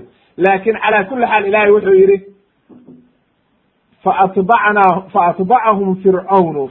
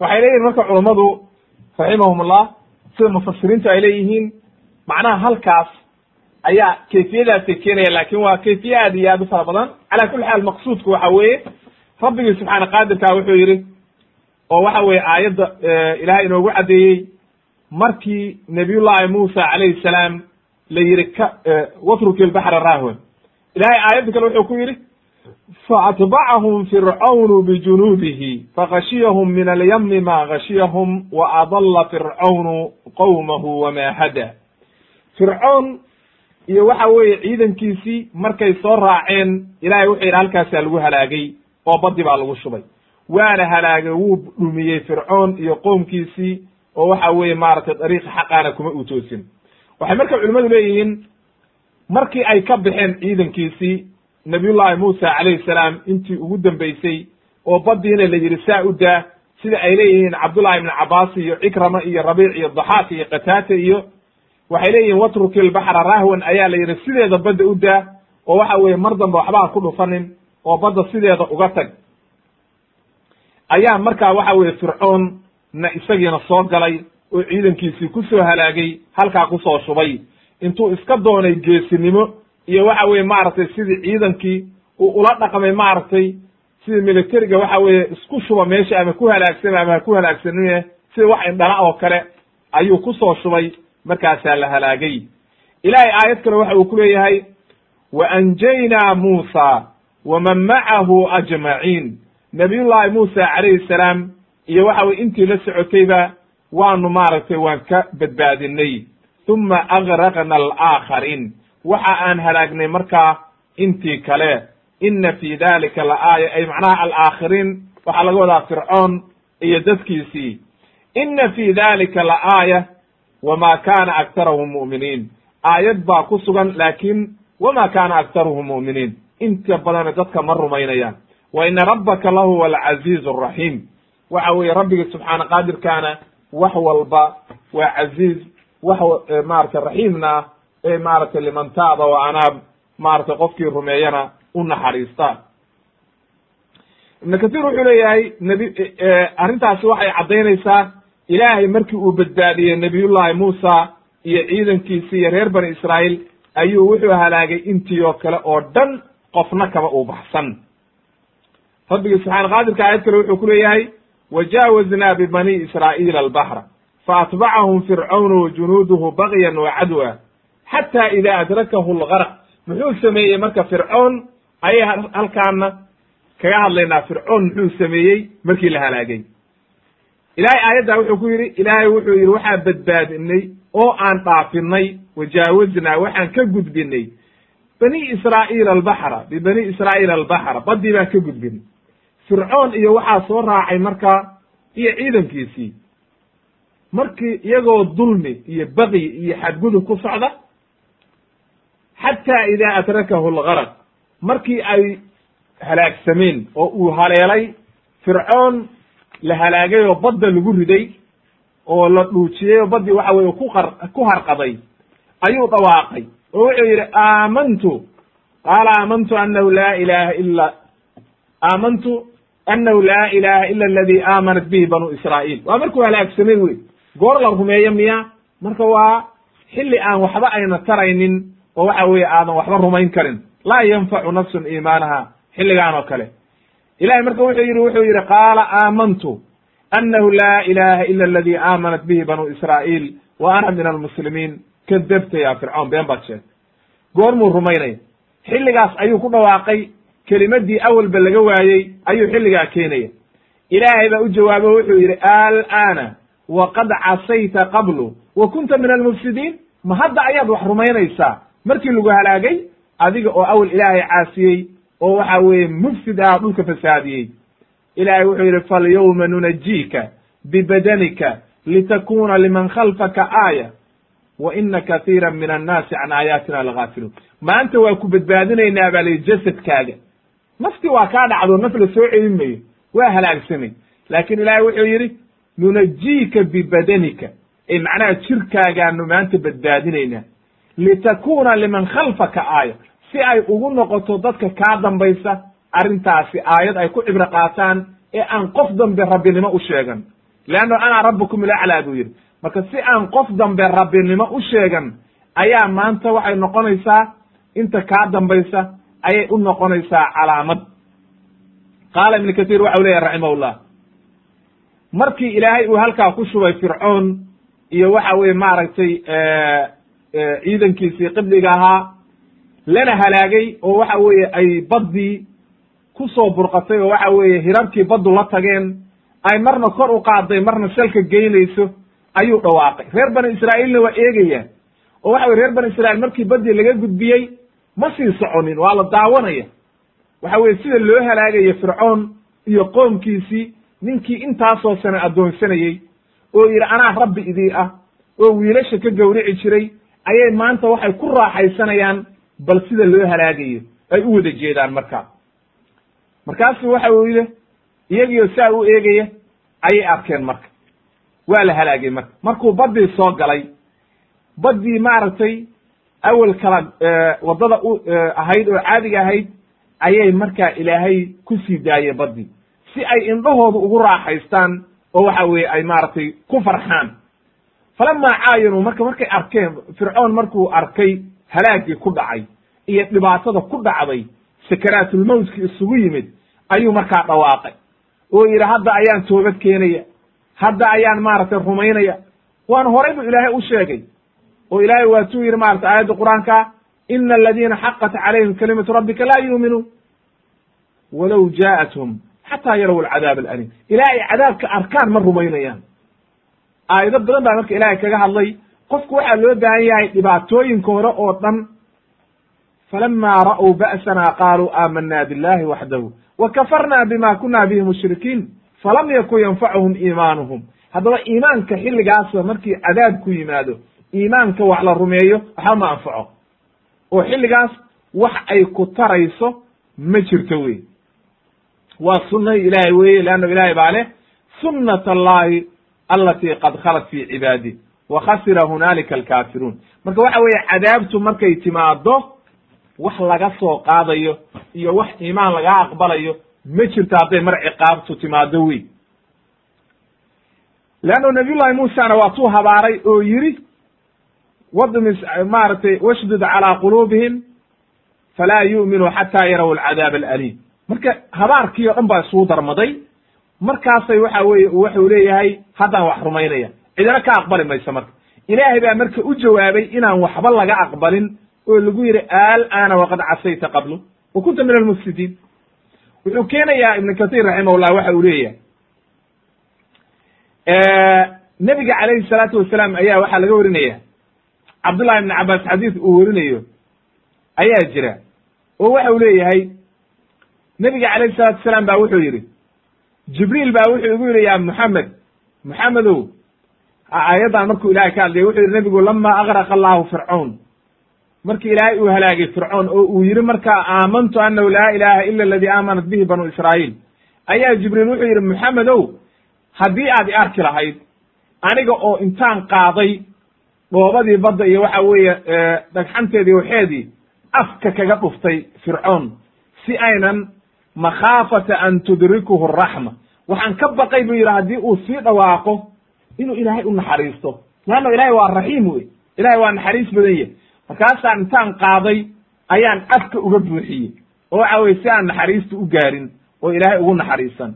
Imaamu tirmidi ayaa xadiidkaa wariyey waxasanahu saxaxahu sheekh albani fi sunan tirmidi saddex kun iyo boqol iyo toddoba.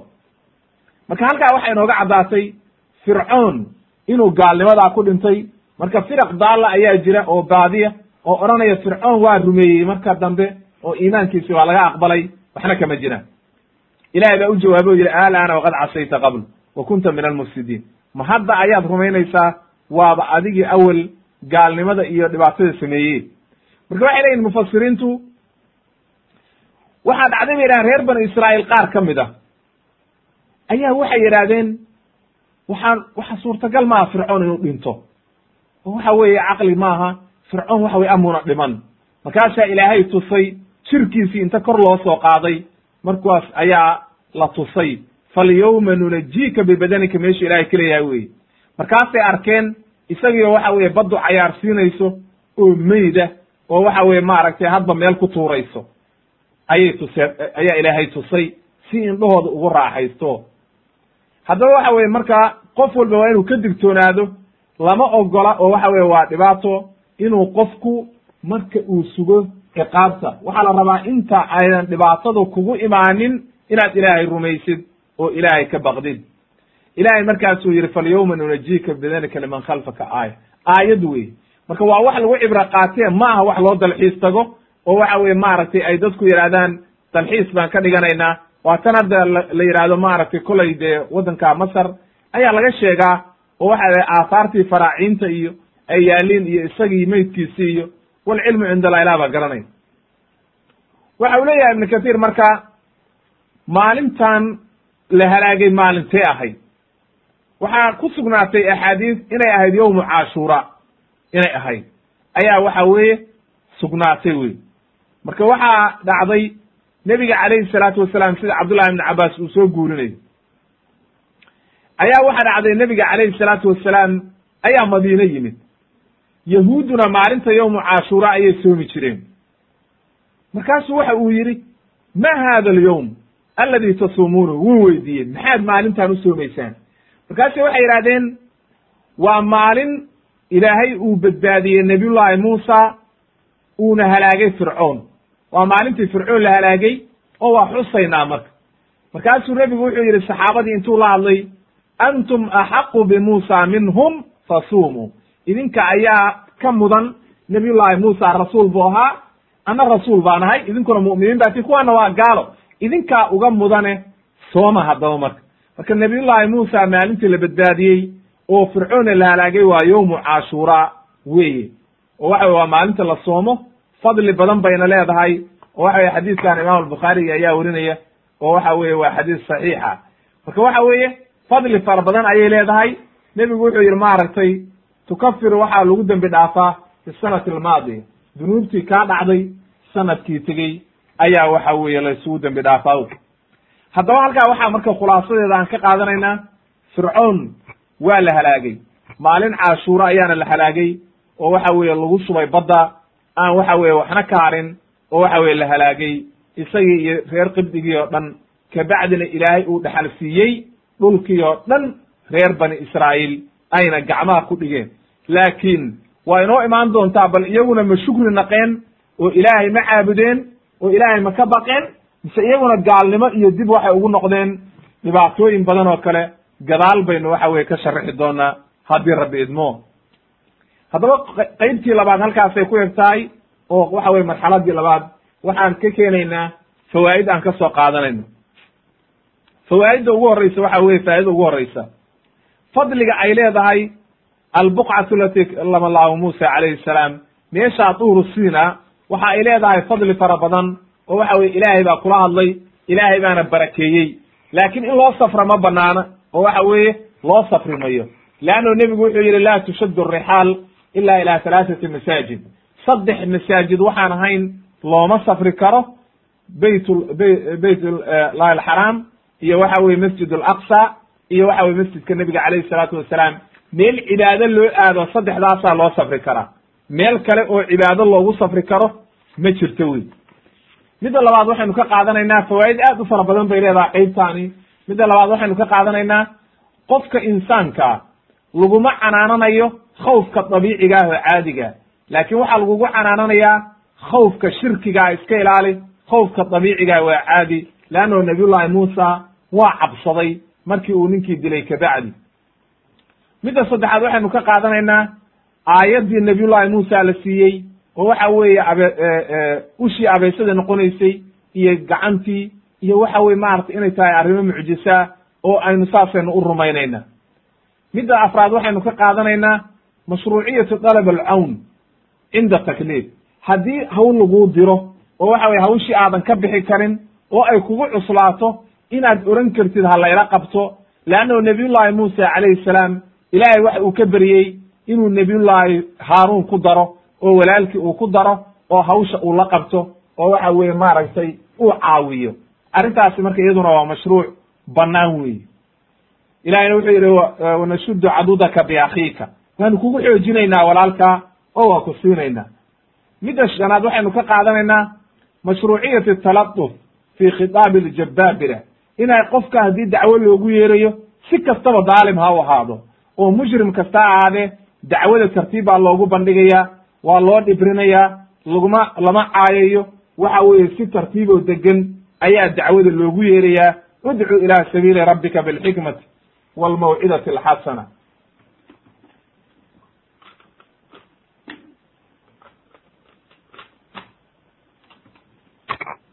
Leanno sababtu waxa weeye macnaha qodobkaa shanaad oo odhanaya maaragtay mashruuciyati taladufi fi khitaabi aljabaabira macnaha in qofka markii dacwada loogu yeerayo dhaalim ba ha ahaado mujrim ha ahaado tartiib baa loogu yeeraya dacwadii oo waxa weeye waa loo dhibrinayaa si uu dacwada u qaato. Lacalahu yatadaker leanna ilahi wuxuu leeyahy faqulaa lahu qawlan layinan marka fircoon ba haddii la yidhi faqulaa lahu qawlan layinan lacalahu yatadaker o yaksha haddi qof kasta oo waxa weeye dacwo loogu yeerayo waa in loo tartiibiyo wey midda lixaad waxaynu ka qaadanaynaa fircown waxa uu ogaa oo cilmi ahaan uu ogaa inuu yahay addoon oo waxa weye inuunan rabbi ahayn wuu ogaa.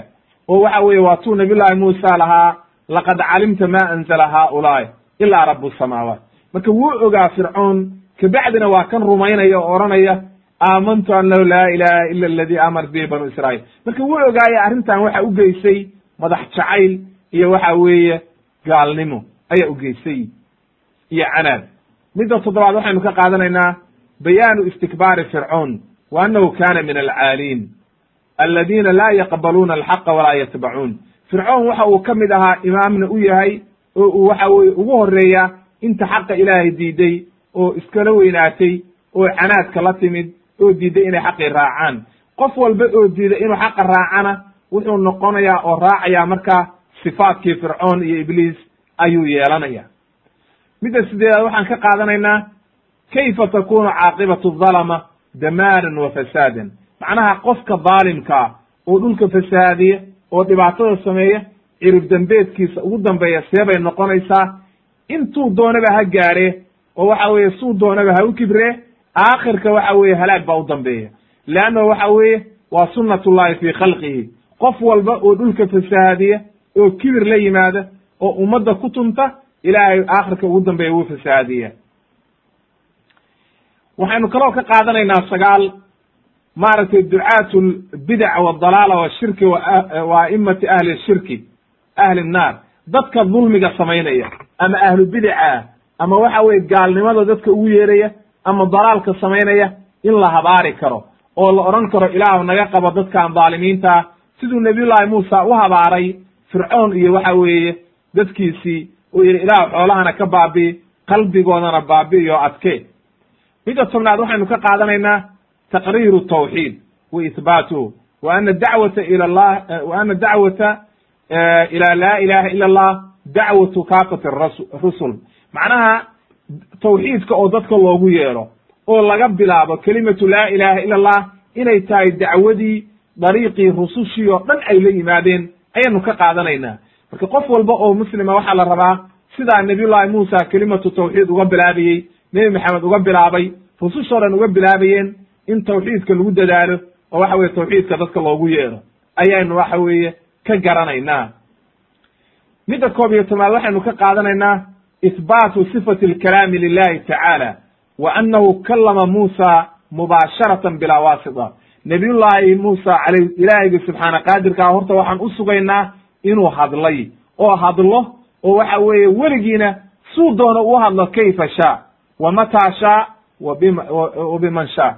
Macnaha ilaahayga subxaana qaadirkaa xilliguu doonuu hadlaya qofkuu doonuu la hadlaya siduu doonuuna u hadlaya laakiin bilaa kayfin walaa tamhiilin keennoo kale maaha ma garanayno noocuu yahay isaga ayaa garanaya kalaam yaliiqu bijalaalihi ayuu hadlaa wa kallama allahu muusa takliiman ayuu yidhi ilaahay nabiyullaahi muusana si mubaasharatana oo toosa oo aan meleg u dhaxaynin oo aan waxyi ahayn ayuu ilaahay ula hadlay oo arrintaas ayaynu ka faa'ideynaa waxaynu kaloo ka faa'ideynaa bayaanu alxikma fi ikhfaa'i saaca. Saacadda oo la qariyo inay tahay macnaha xikmadda ku jirta in waxa weeye qofkii rumeeyana la ogaado kii diidana hadda gaalnimo iyo waxa weye halaag uu u sugnaaday.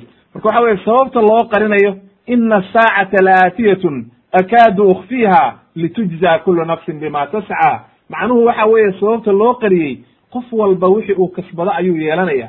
Marka sidaa daraaddeed waxa weye xikmad ayaa ku jirta qarinta saacadda. Waxaynu kaloo ka qaadanaynaa tan saddex iyo toban bayaanu dugyaan macnaha duqyaanka iyo dulmigu dhibaatada uu leeyahay kan ugu daranna uu yahay inuu qofku ilaahnimo sheegto sidii waxa weeye fircoon uu yidhi ana rabbukum laclaa marka qofku hadduu noqdo dhaalim dugyaan samaynaya iyo xadgudub waxa weye waa khatar weeye aakhirkeeda iyo cirdambeedkeedana halaag baa u dambeeya. Waxaynu kaloo ka qaadanaynaa afar iyo toban fadiilatu tasbiixi wadikri in ilaahigii subxaana qaadirkaa dikrigiisa tasbiixda asmaada ilaahay loogu tawasulayo afka lagu hayo. Walaa taniyaa fii dikrii ayuu leeyahay ilaahay. Carabkiina yay ka qalalin dikrigii dikriga ilaahay oo waxa weeye maaragtay dikriga ilaahay afka ku hay. Alaa ina alaa bidikri illahi tadma'inu alquluub leanna waxa weye qofka qalbigiisa ayaa ku degaya dikriga ilaahay. Tan shan iyo toban waxaynu ka qaadanaynaa aayadda ina tusinaysa xubbiga ilaahay nabiyullaahi muusa inuu ilaahay jeclaado jeclaa oo uu doortay oo uu ka mid yahay min almustafiina maaragtay ilaahay kuwa uu doortay oo saalixiinta. Sidaa daraaddeed ayaa dadkiina jeclaadeen markii ilaahay jeclaaday. Lix iyo toban waxaan ka qaadanaynaa taqriiru maciyatullah tacaala maca awliyaa'ihi. Binusrihim maaragtay ilaahay inuu u gargaarayo oo uu la jiro rabbiga subxaana qaadirkaa qofkii rumeeya oo awliyada ilaahay ka mid noqda ayaa ilaahay u gargaaraya oo waxa weeye uu guusha siinaya oo waxa weye uu la jira. Toddobiyi toban waxaan ka qaadanaynaa bayaanu ana asalaamata min cadaabi addunya waalaakhira hiya min nasiibi mutabici alhuda. Macnaha waxa loogaga badbaado naarta iyo ciqaabta inay tahay hadba saad diinta u raacdid iyo hanuunka leanno nabiy llahi muusa waa kaa leh wasalaamu calaa man itabaca alhuda. Macnaha inaa qad uuxiya ilayna ana alcadaaba calaa man kadaba watawalla bal u fiirso cadaabku wuxuu ku dhacayaa qofkii hanuunka raaci waaya amaa qofkii hanuunka raaca waa nabadgelayaa marka waxaynu kaloo ka qaadanaynaa midda sideed iyo toban sharciyatu ityaani adaalim wa amrihi wa nahyihi wasabru cala adaa qofka daalimkaa in loo imaan karo xoogguu doona ha lahaado jabbaarkuu doona ha ahaado in la waaninayo oo loo sheegayo oo waxa xun looga celinayo oo waxa weye ay bannaan tahay ayaynu ka qaadanaynaa loona sabrayo dhibaatadiisa markaa waxaynu kaloo ka qaadanaynaa midda sagaal iyo toban inay maaragtay nabiyullaahi muusa alay ilaahiygi subxaana qaadirka inuu be beri ka yahay oo laga nasahayo khada'a iyo nisyaankaba leanna waxa weeye nabiyullahi muusa wuxuu leeyahay macnaha ilaahay agtiisa kitaab baa yaalla rabbigii subxaana qaadirkaana mana ilaawayo mana maaragtay dhum dhuminayo. Marka waxa weye ilaahay mana kha mana khaldamo waxna ma ilaawo leannahu rabbigii subxaana qaadirka ayaa wax walba abuuray bilow aadmiga ayaa wax ilaawe rabbigii subxaana qaadirka ilaahay waa ka nasahan yahay waxa oo dhan waa ka nasahan yahay. Labaatan waxaynu ka qaadanaynaa aayadaha kowniga ah. In loo deliishan karo ilaahay inuu jiro. Leannahu nabiyullahi muusa calayhi salaam waxa uu u deliishaday aayadihii kowniga ah rabu asamaawaati waalardi rabukum wa rabu aabaa'ikum alawaliin kulli marka waxa weeye aayaadka kowniga waxaa la yidhahdaa samada iyo waxyaalaha buuraha iyo ciddii abuurtay naftaada yaa abuuray ayaa dadka looga dhaadhicin karaa markii mushrikiinta laga dhaadhicinayo rabbigii subxaana qaadirka. Ee qofka muslimkaa mar walba isaga waa ogyahay taa. Waxaynu kaloo ka qaadanaynaa koob iyo labaatan mashruuciyati lmubaarazati liidhaari alxaqi wa ibdaali albatil qofkii awood u leh inuu xaqa banaanka soo dhigi karo oo waxa weeye hadday noqoto meesha mubaarasa waxaa la yidhaha isku soo bixidda sidii yowmu ziina aynu ku soo marnay mawcidukum yowmu ziina wa an yuxshara annaasu duxa inay dadku fagaaraha isugu yimaadaan oo qofkii xaqa garanaya uu xaqa caddeeyo inay arrin mashruuca tahay oo waxa weye laakin waxaa la rabaa inuu laabudda qofkii xaqay garanayo oo waxa weye uunan shubah wadane uu wax waadixa la yimaado sidaa nabiyullahi muusa uu sameeyey oo kale. Faa'idada laba iyo labaatan waxaan ka qaadanaynaa xurmatu lkadibi cala allahi tacaala inayna xaaraam tahay in ilaahay lagu been abuurto oo ay tahay dembi aad iyo aad u weyn. Leanno aayado badan baynu ku soo marnay ilaahiyga subxaana qaadirkaa inuunan raalli ka ahayn qofka musrifka ah oo kadaabka ilaahayna uunan hanuuninaynin maaragtay in allaha laa yahdi man huwa musrifun kadaab waxaynu ka qaadanaynaa saddex iyo labaatan. Qofka dhaalimkaa khidaacada iyo khiyaanada uu samaynayo oo uu doonayo dadka hareerihiisa inuu khiyaamo maaragtay isaga ayay aakhirkiisa waxay ku noqonaysaa maaragtay halaag. Ee waxa weeye sidaa uu fircoon sameeyey oo kale siyaasadiisii iyo. Leanna waxa weye markuu arkay diintii inay sax tahay wuxuu markaa isku mashquuliyey inuu arrintii u bedelo siyaasad. Dadka maanta joogana waa nooca qofka dhaalimkaa markii diin lagala hadlo ayuu leeyahay wadaadada siyaasad bay wadaan wadaadadu xukunkay rabaan. War waxaasi ma jiraane xaqa ku istaag adigu dadka xukun laakiin xaqa ku maamul. Oo waxa weye diinta ku maamul oo raac diinta.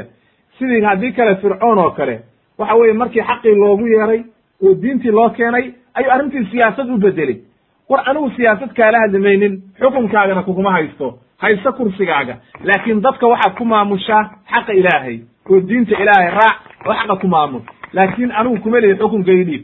Oo xukunkaaga ma rabo. Haysto adigu boqortooyadaada iyo xukunkaaga laakiin xaqa raac. Si uu marka dadkii maskaxdooda uga jeediyo ayuu markaa waxa uu dadkii ka dhaadhiciyaa inuu ninkaani xukun doonayo.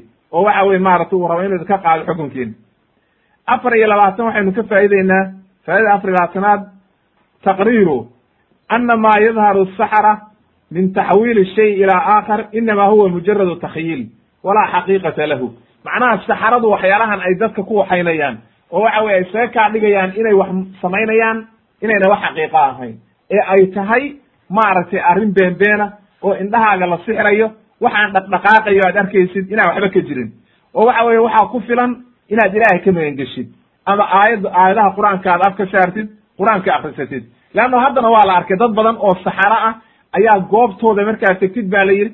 Anugu ma arag laakiin dad badan baa sheegay. Waxay idhahdeen markaad tegtid haddaad qur'aanka akridid ama aayad kursida ama faatixada ama aayad un qur'aana qur'aanka akridid waxba ma samayn karaan. Waa baaba'aysaa leanna waxa weeye diinta ilahay ayaa ka xoog badan. Shan iyo labaatan waxaan ka qaadanaynaa quwatu ta'hiiri almucjizati fi nafsi saxara macnaha saxaradii markay aayaddii arkeen ilaahay leannahu dadkaani waxay yaqiineen cilmiga sixirka. Way ogaadeen marka arrintaani inayna sixir ahayn markay aayaddii arkeen. Oo ay ogaadeen inayna waxaana sixir ahayn ayay markaa naftoodii ta'hiirisay marka waxa weeye waxa sixirka ahi dadka ma ta'hiirin karo laakiin mucjizada ilaahay qofka way ta'hiirinaysaa qalbigiisi bay gelaysaa iimaankii baa markaa galay oo waxa weye ay qalbigoodii bedeshay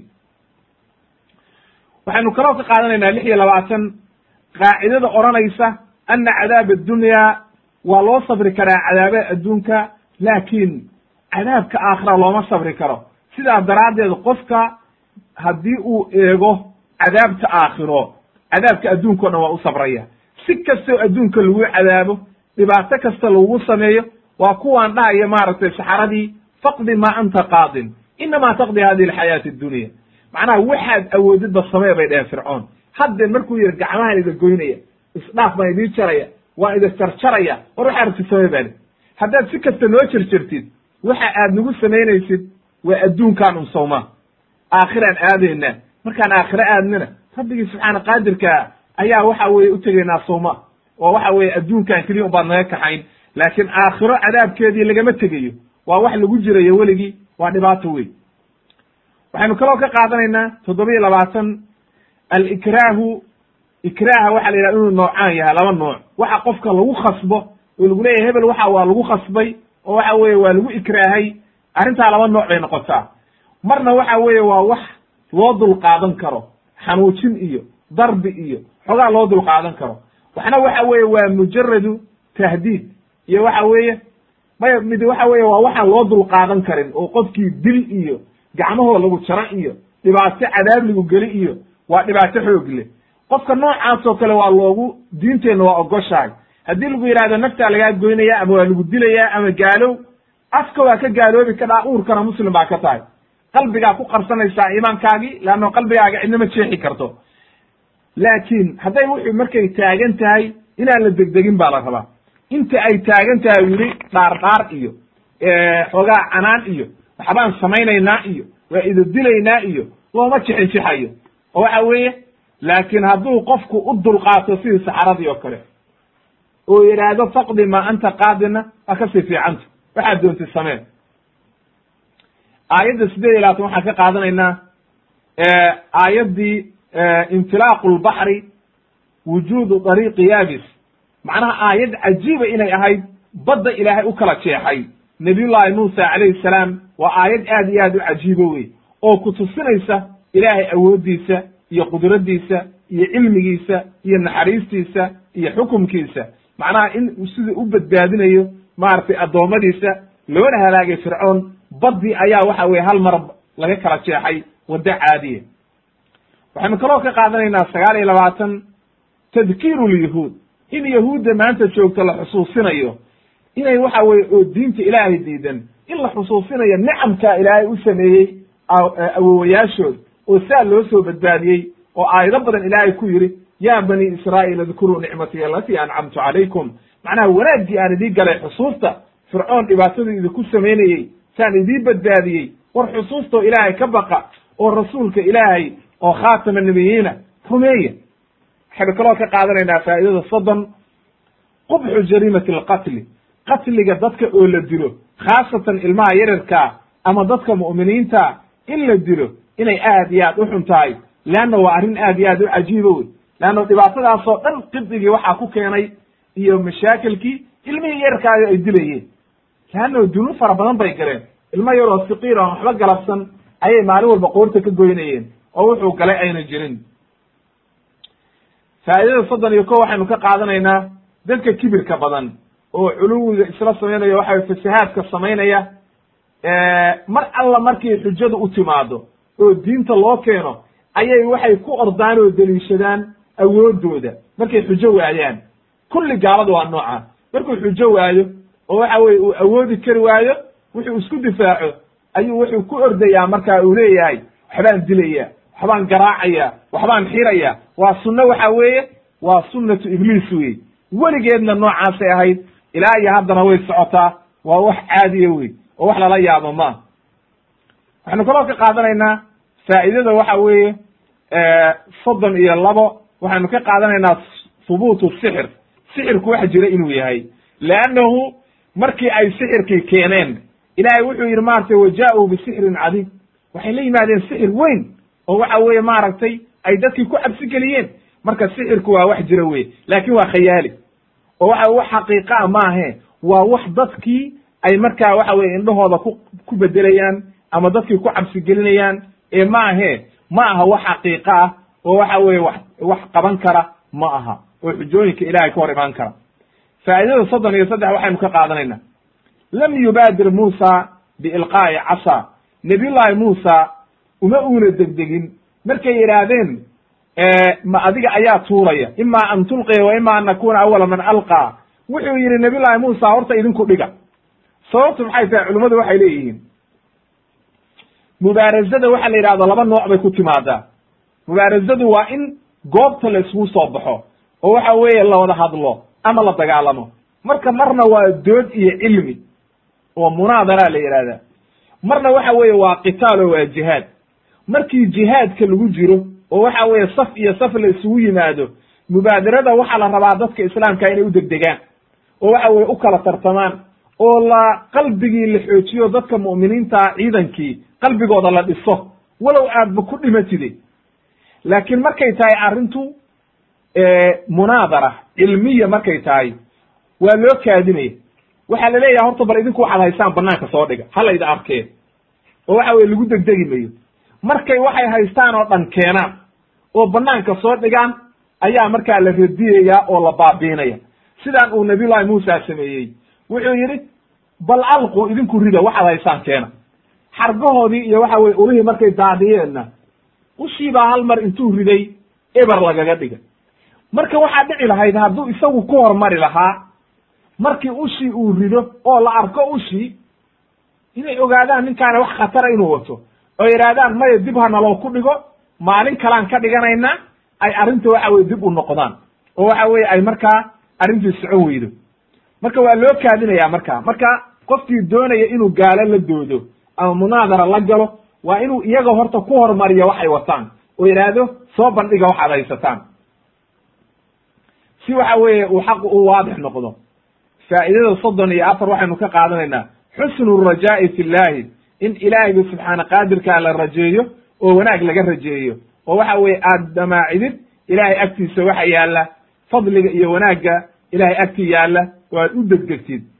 Leanno saxaradii markii ay ilaahay rumeeyeen waxa ay rajeeyeen innaa nadmacu an yakfira lanaa rabbuna khadaayaana bay yihahdeen waxa aan rajo ka qabnaa oo quuldaraynaynaa inuu waxa weeye ilaahaygi subxaana qaadirka ahaa uu naga badbaadi oo uu noo dembi dhaafo wixii aan horay khalad u gallay ayaan ilaahay aad iyo aad uga rajaynayna iyo waxa weeye fadiilada iyo wanaagga ay leedahay in khayrka loo degdego. Leanna saxaradii mar alla markay arkeen inay waxaani mucjiso tahay horay bay ka rumeeyeen. Fa ulqiya saxaratu sujada qaaluu aamanaa birabbi haaruna wa muusa ayay yidhahdeen faa'idada soddon iyo shan waxaynu ka qaadanaynaa dhuhuuru aathaari alistibcaadi fi bani israa'iil.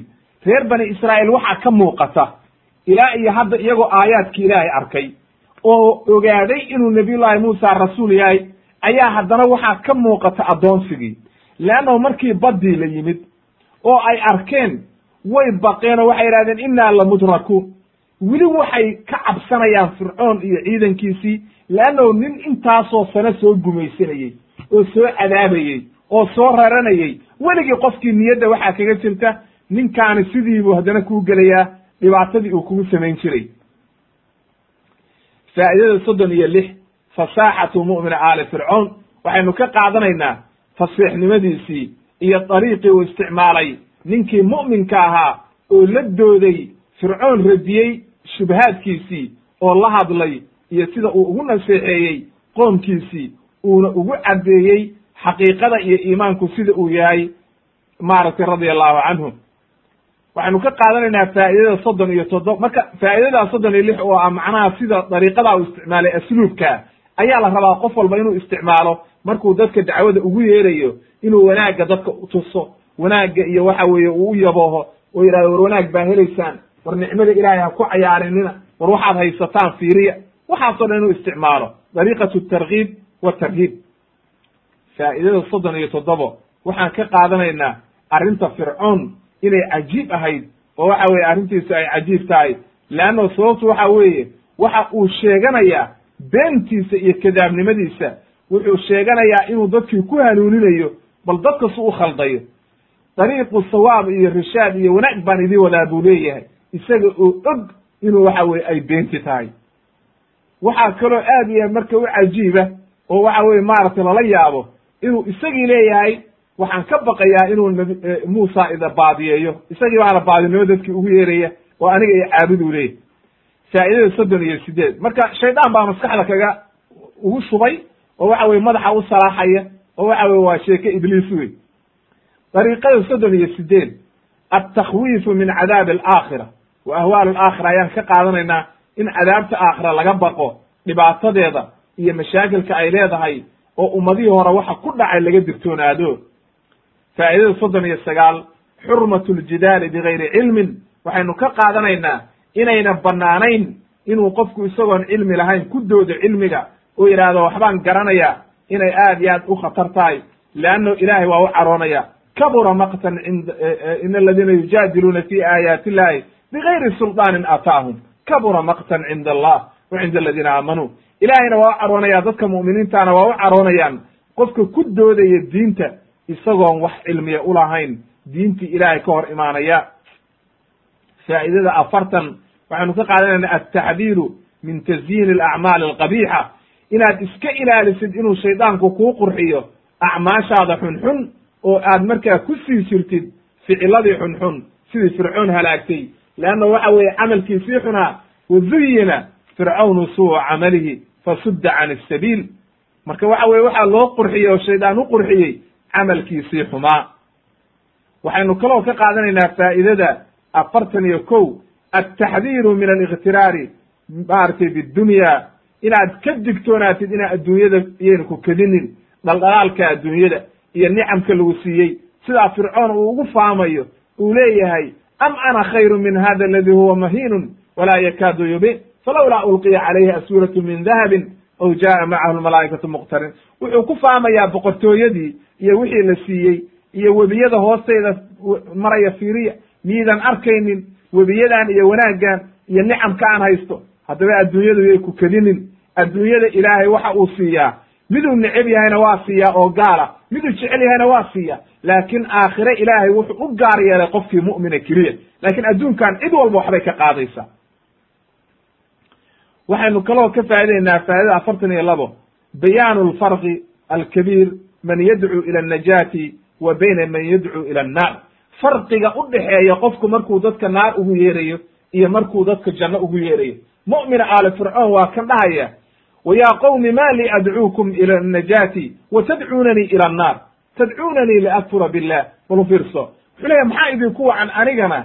Maxaa iigu wacan jannaan idinku yeerayaa iyo ilaahaygii subxaana qaadirka ahaa idinkuna waxaad iigu yeeraysaan gaalnimo. Maxay tahay arrintiinu macnaa halaagga aad iigu yeeraysaan anna wanaaggaan idinku yeerayo maxaa sababtaasi maxay tahay? Waxaynu ka qaadanaynaa faa'idada afartan iyo saddex maaragtay nicmada uu maaragtay uu ilaahaygi subxaana qaadirkaa maa khatama bihi mu'minu aali fircoon maaragtay sida uu ugu khatimay mu'mina aali fircoon qoomkiisii nicmadii iyo waxa weye say u wanaagsan tahay mawcidadii u gudbiyey iyo aad iyo aad inay u wanaagsanayd aakhirkiina uu ugu khatimay atawakulu cala allah. Leannahu waxa uu yidhi fasatadkuruuna ma aqulu lakum wa ufawidu amrii ila allah. Ina allaha basiirun bilcibaad wuxuu ku khatimay arrintiisii markuu waaniyey oo xiwaar dheer la galay oo fircoon radiyey ayuu wuxuu ku khatimay arrintiisii in uu ilaahay tala saarsaday wuuna u caddeeyo wuxuu yidhi haddii idinka joogsan maanta waxaad ku socotaan mar kale ayaad ogaan doontaan oo aad arki doontaan. Afartan iyo afar waxaan ka qaadanaynaa ihbaatu cadaabi alqabri cadaabulqabrigu wax jira inuu yahay oo ama qabriga laysku cadaabayo ama laysku jannaynayo fircoon iyo aalkiisii iyo wax alla wixii la socdayna loo bandhigayo maalin walba. Subax iyo galaba cadaab loo bandhigayo. Ayaynu ka qaadanaynaa oo waxa weeye annaaru yucraduuna calayha guduwan wa cashiya ayuu yidhi ilaahay wa yowma taquumu asaaca adkhiluu aala fircawna ashadda alcadaab aakhirana cadaab baa u dambeeya hadda oo ay waxa weeye cadaabulba ku jiraan maaragtay xayaatulbarzakna cadaab bay ku jiraan oo subax walba iyo galab walba cadaab baa lagu shubaya waxaynu kaloo ka qaadanaynaa faa'idada ugu dambaysa afartan iyo shan taqriiru nubuwati almuxamadiya id mithla hada alqasas laa yaqusu ila biwaxyin ilaahiy maadaama waxa weeye arrinta noocaana oo aad iyo aad u dheer oo qisadaa faraha badan aan lagu ogaan karin ilaa min dariiqati alwaxyi waxaynu ka qaadanaynaa nebi maxamed calayhi salaatu wassalaam inuu waxa weeye dacwadiisii iyo nebinimadiisii inay waxa weeye arrin aad iyo aad saxiixa oo waxa weye aan wax shakiga ku jirin inay ahayd. Marka qofka mu'minkaa shaki kagama jiro laakiin dadka kale ayaa rabaa inay kuwaana qaataan ayaynu waxa weye iyadana ka qaadanayna halkaa marka waxaa ku dhamaaday waxa weeye fawaaiddii iyo qeybtii labaad. Insha allahu tabaaraka wa tacaala waxaana ka dambayn doontaa marxaladii saddexaad oo odhanaysay maa kaana min bani israa'iil bacda halaaki fircawn ayaynu maaragtay u gudbi doonaa haddii rabbi idmo. Marka halkaa ayaan ku soo gebagabaynaynaa subxaanaka allahuma bixamdika ashhadu an laa ilaha illa anta astaqfiruka wa atuubu ilayk. Walxamdu lilahi rabbi alcaalamin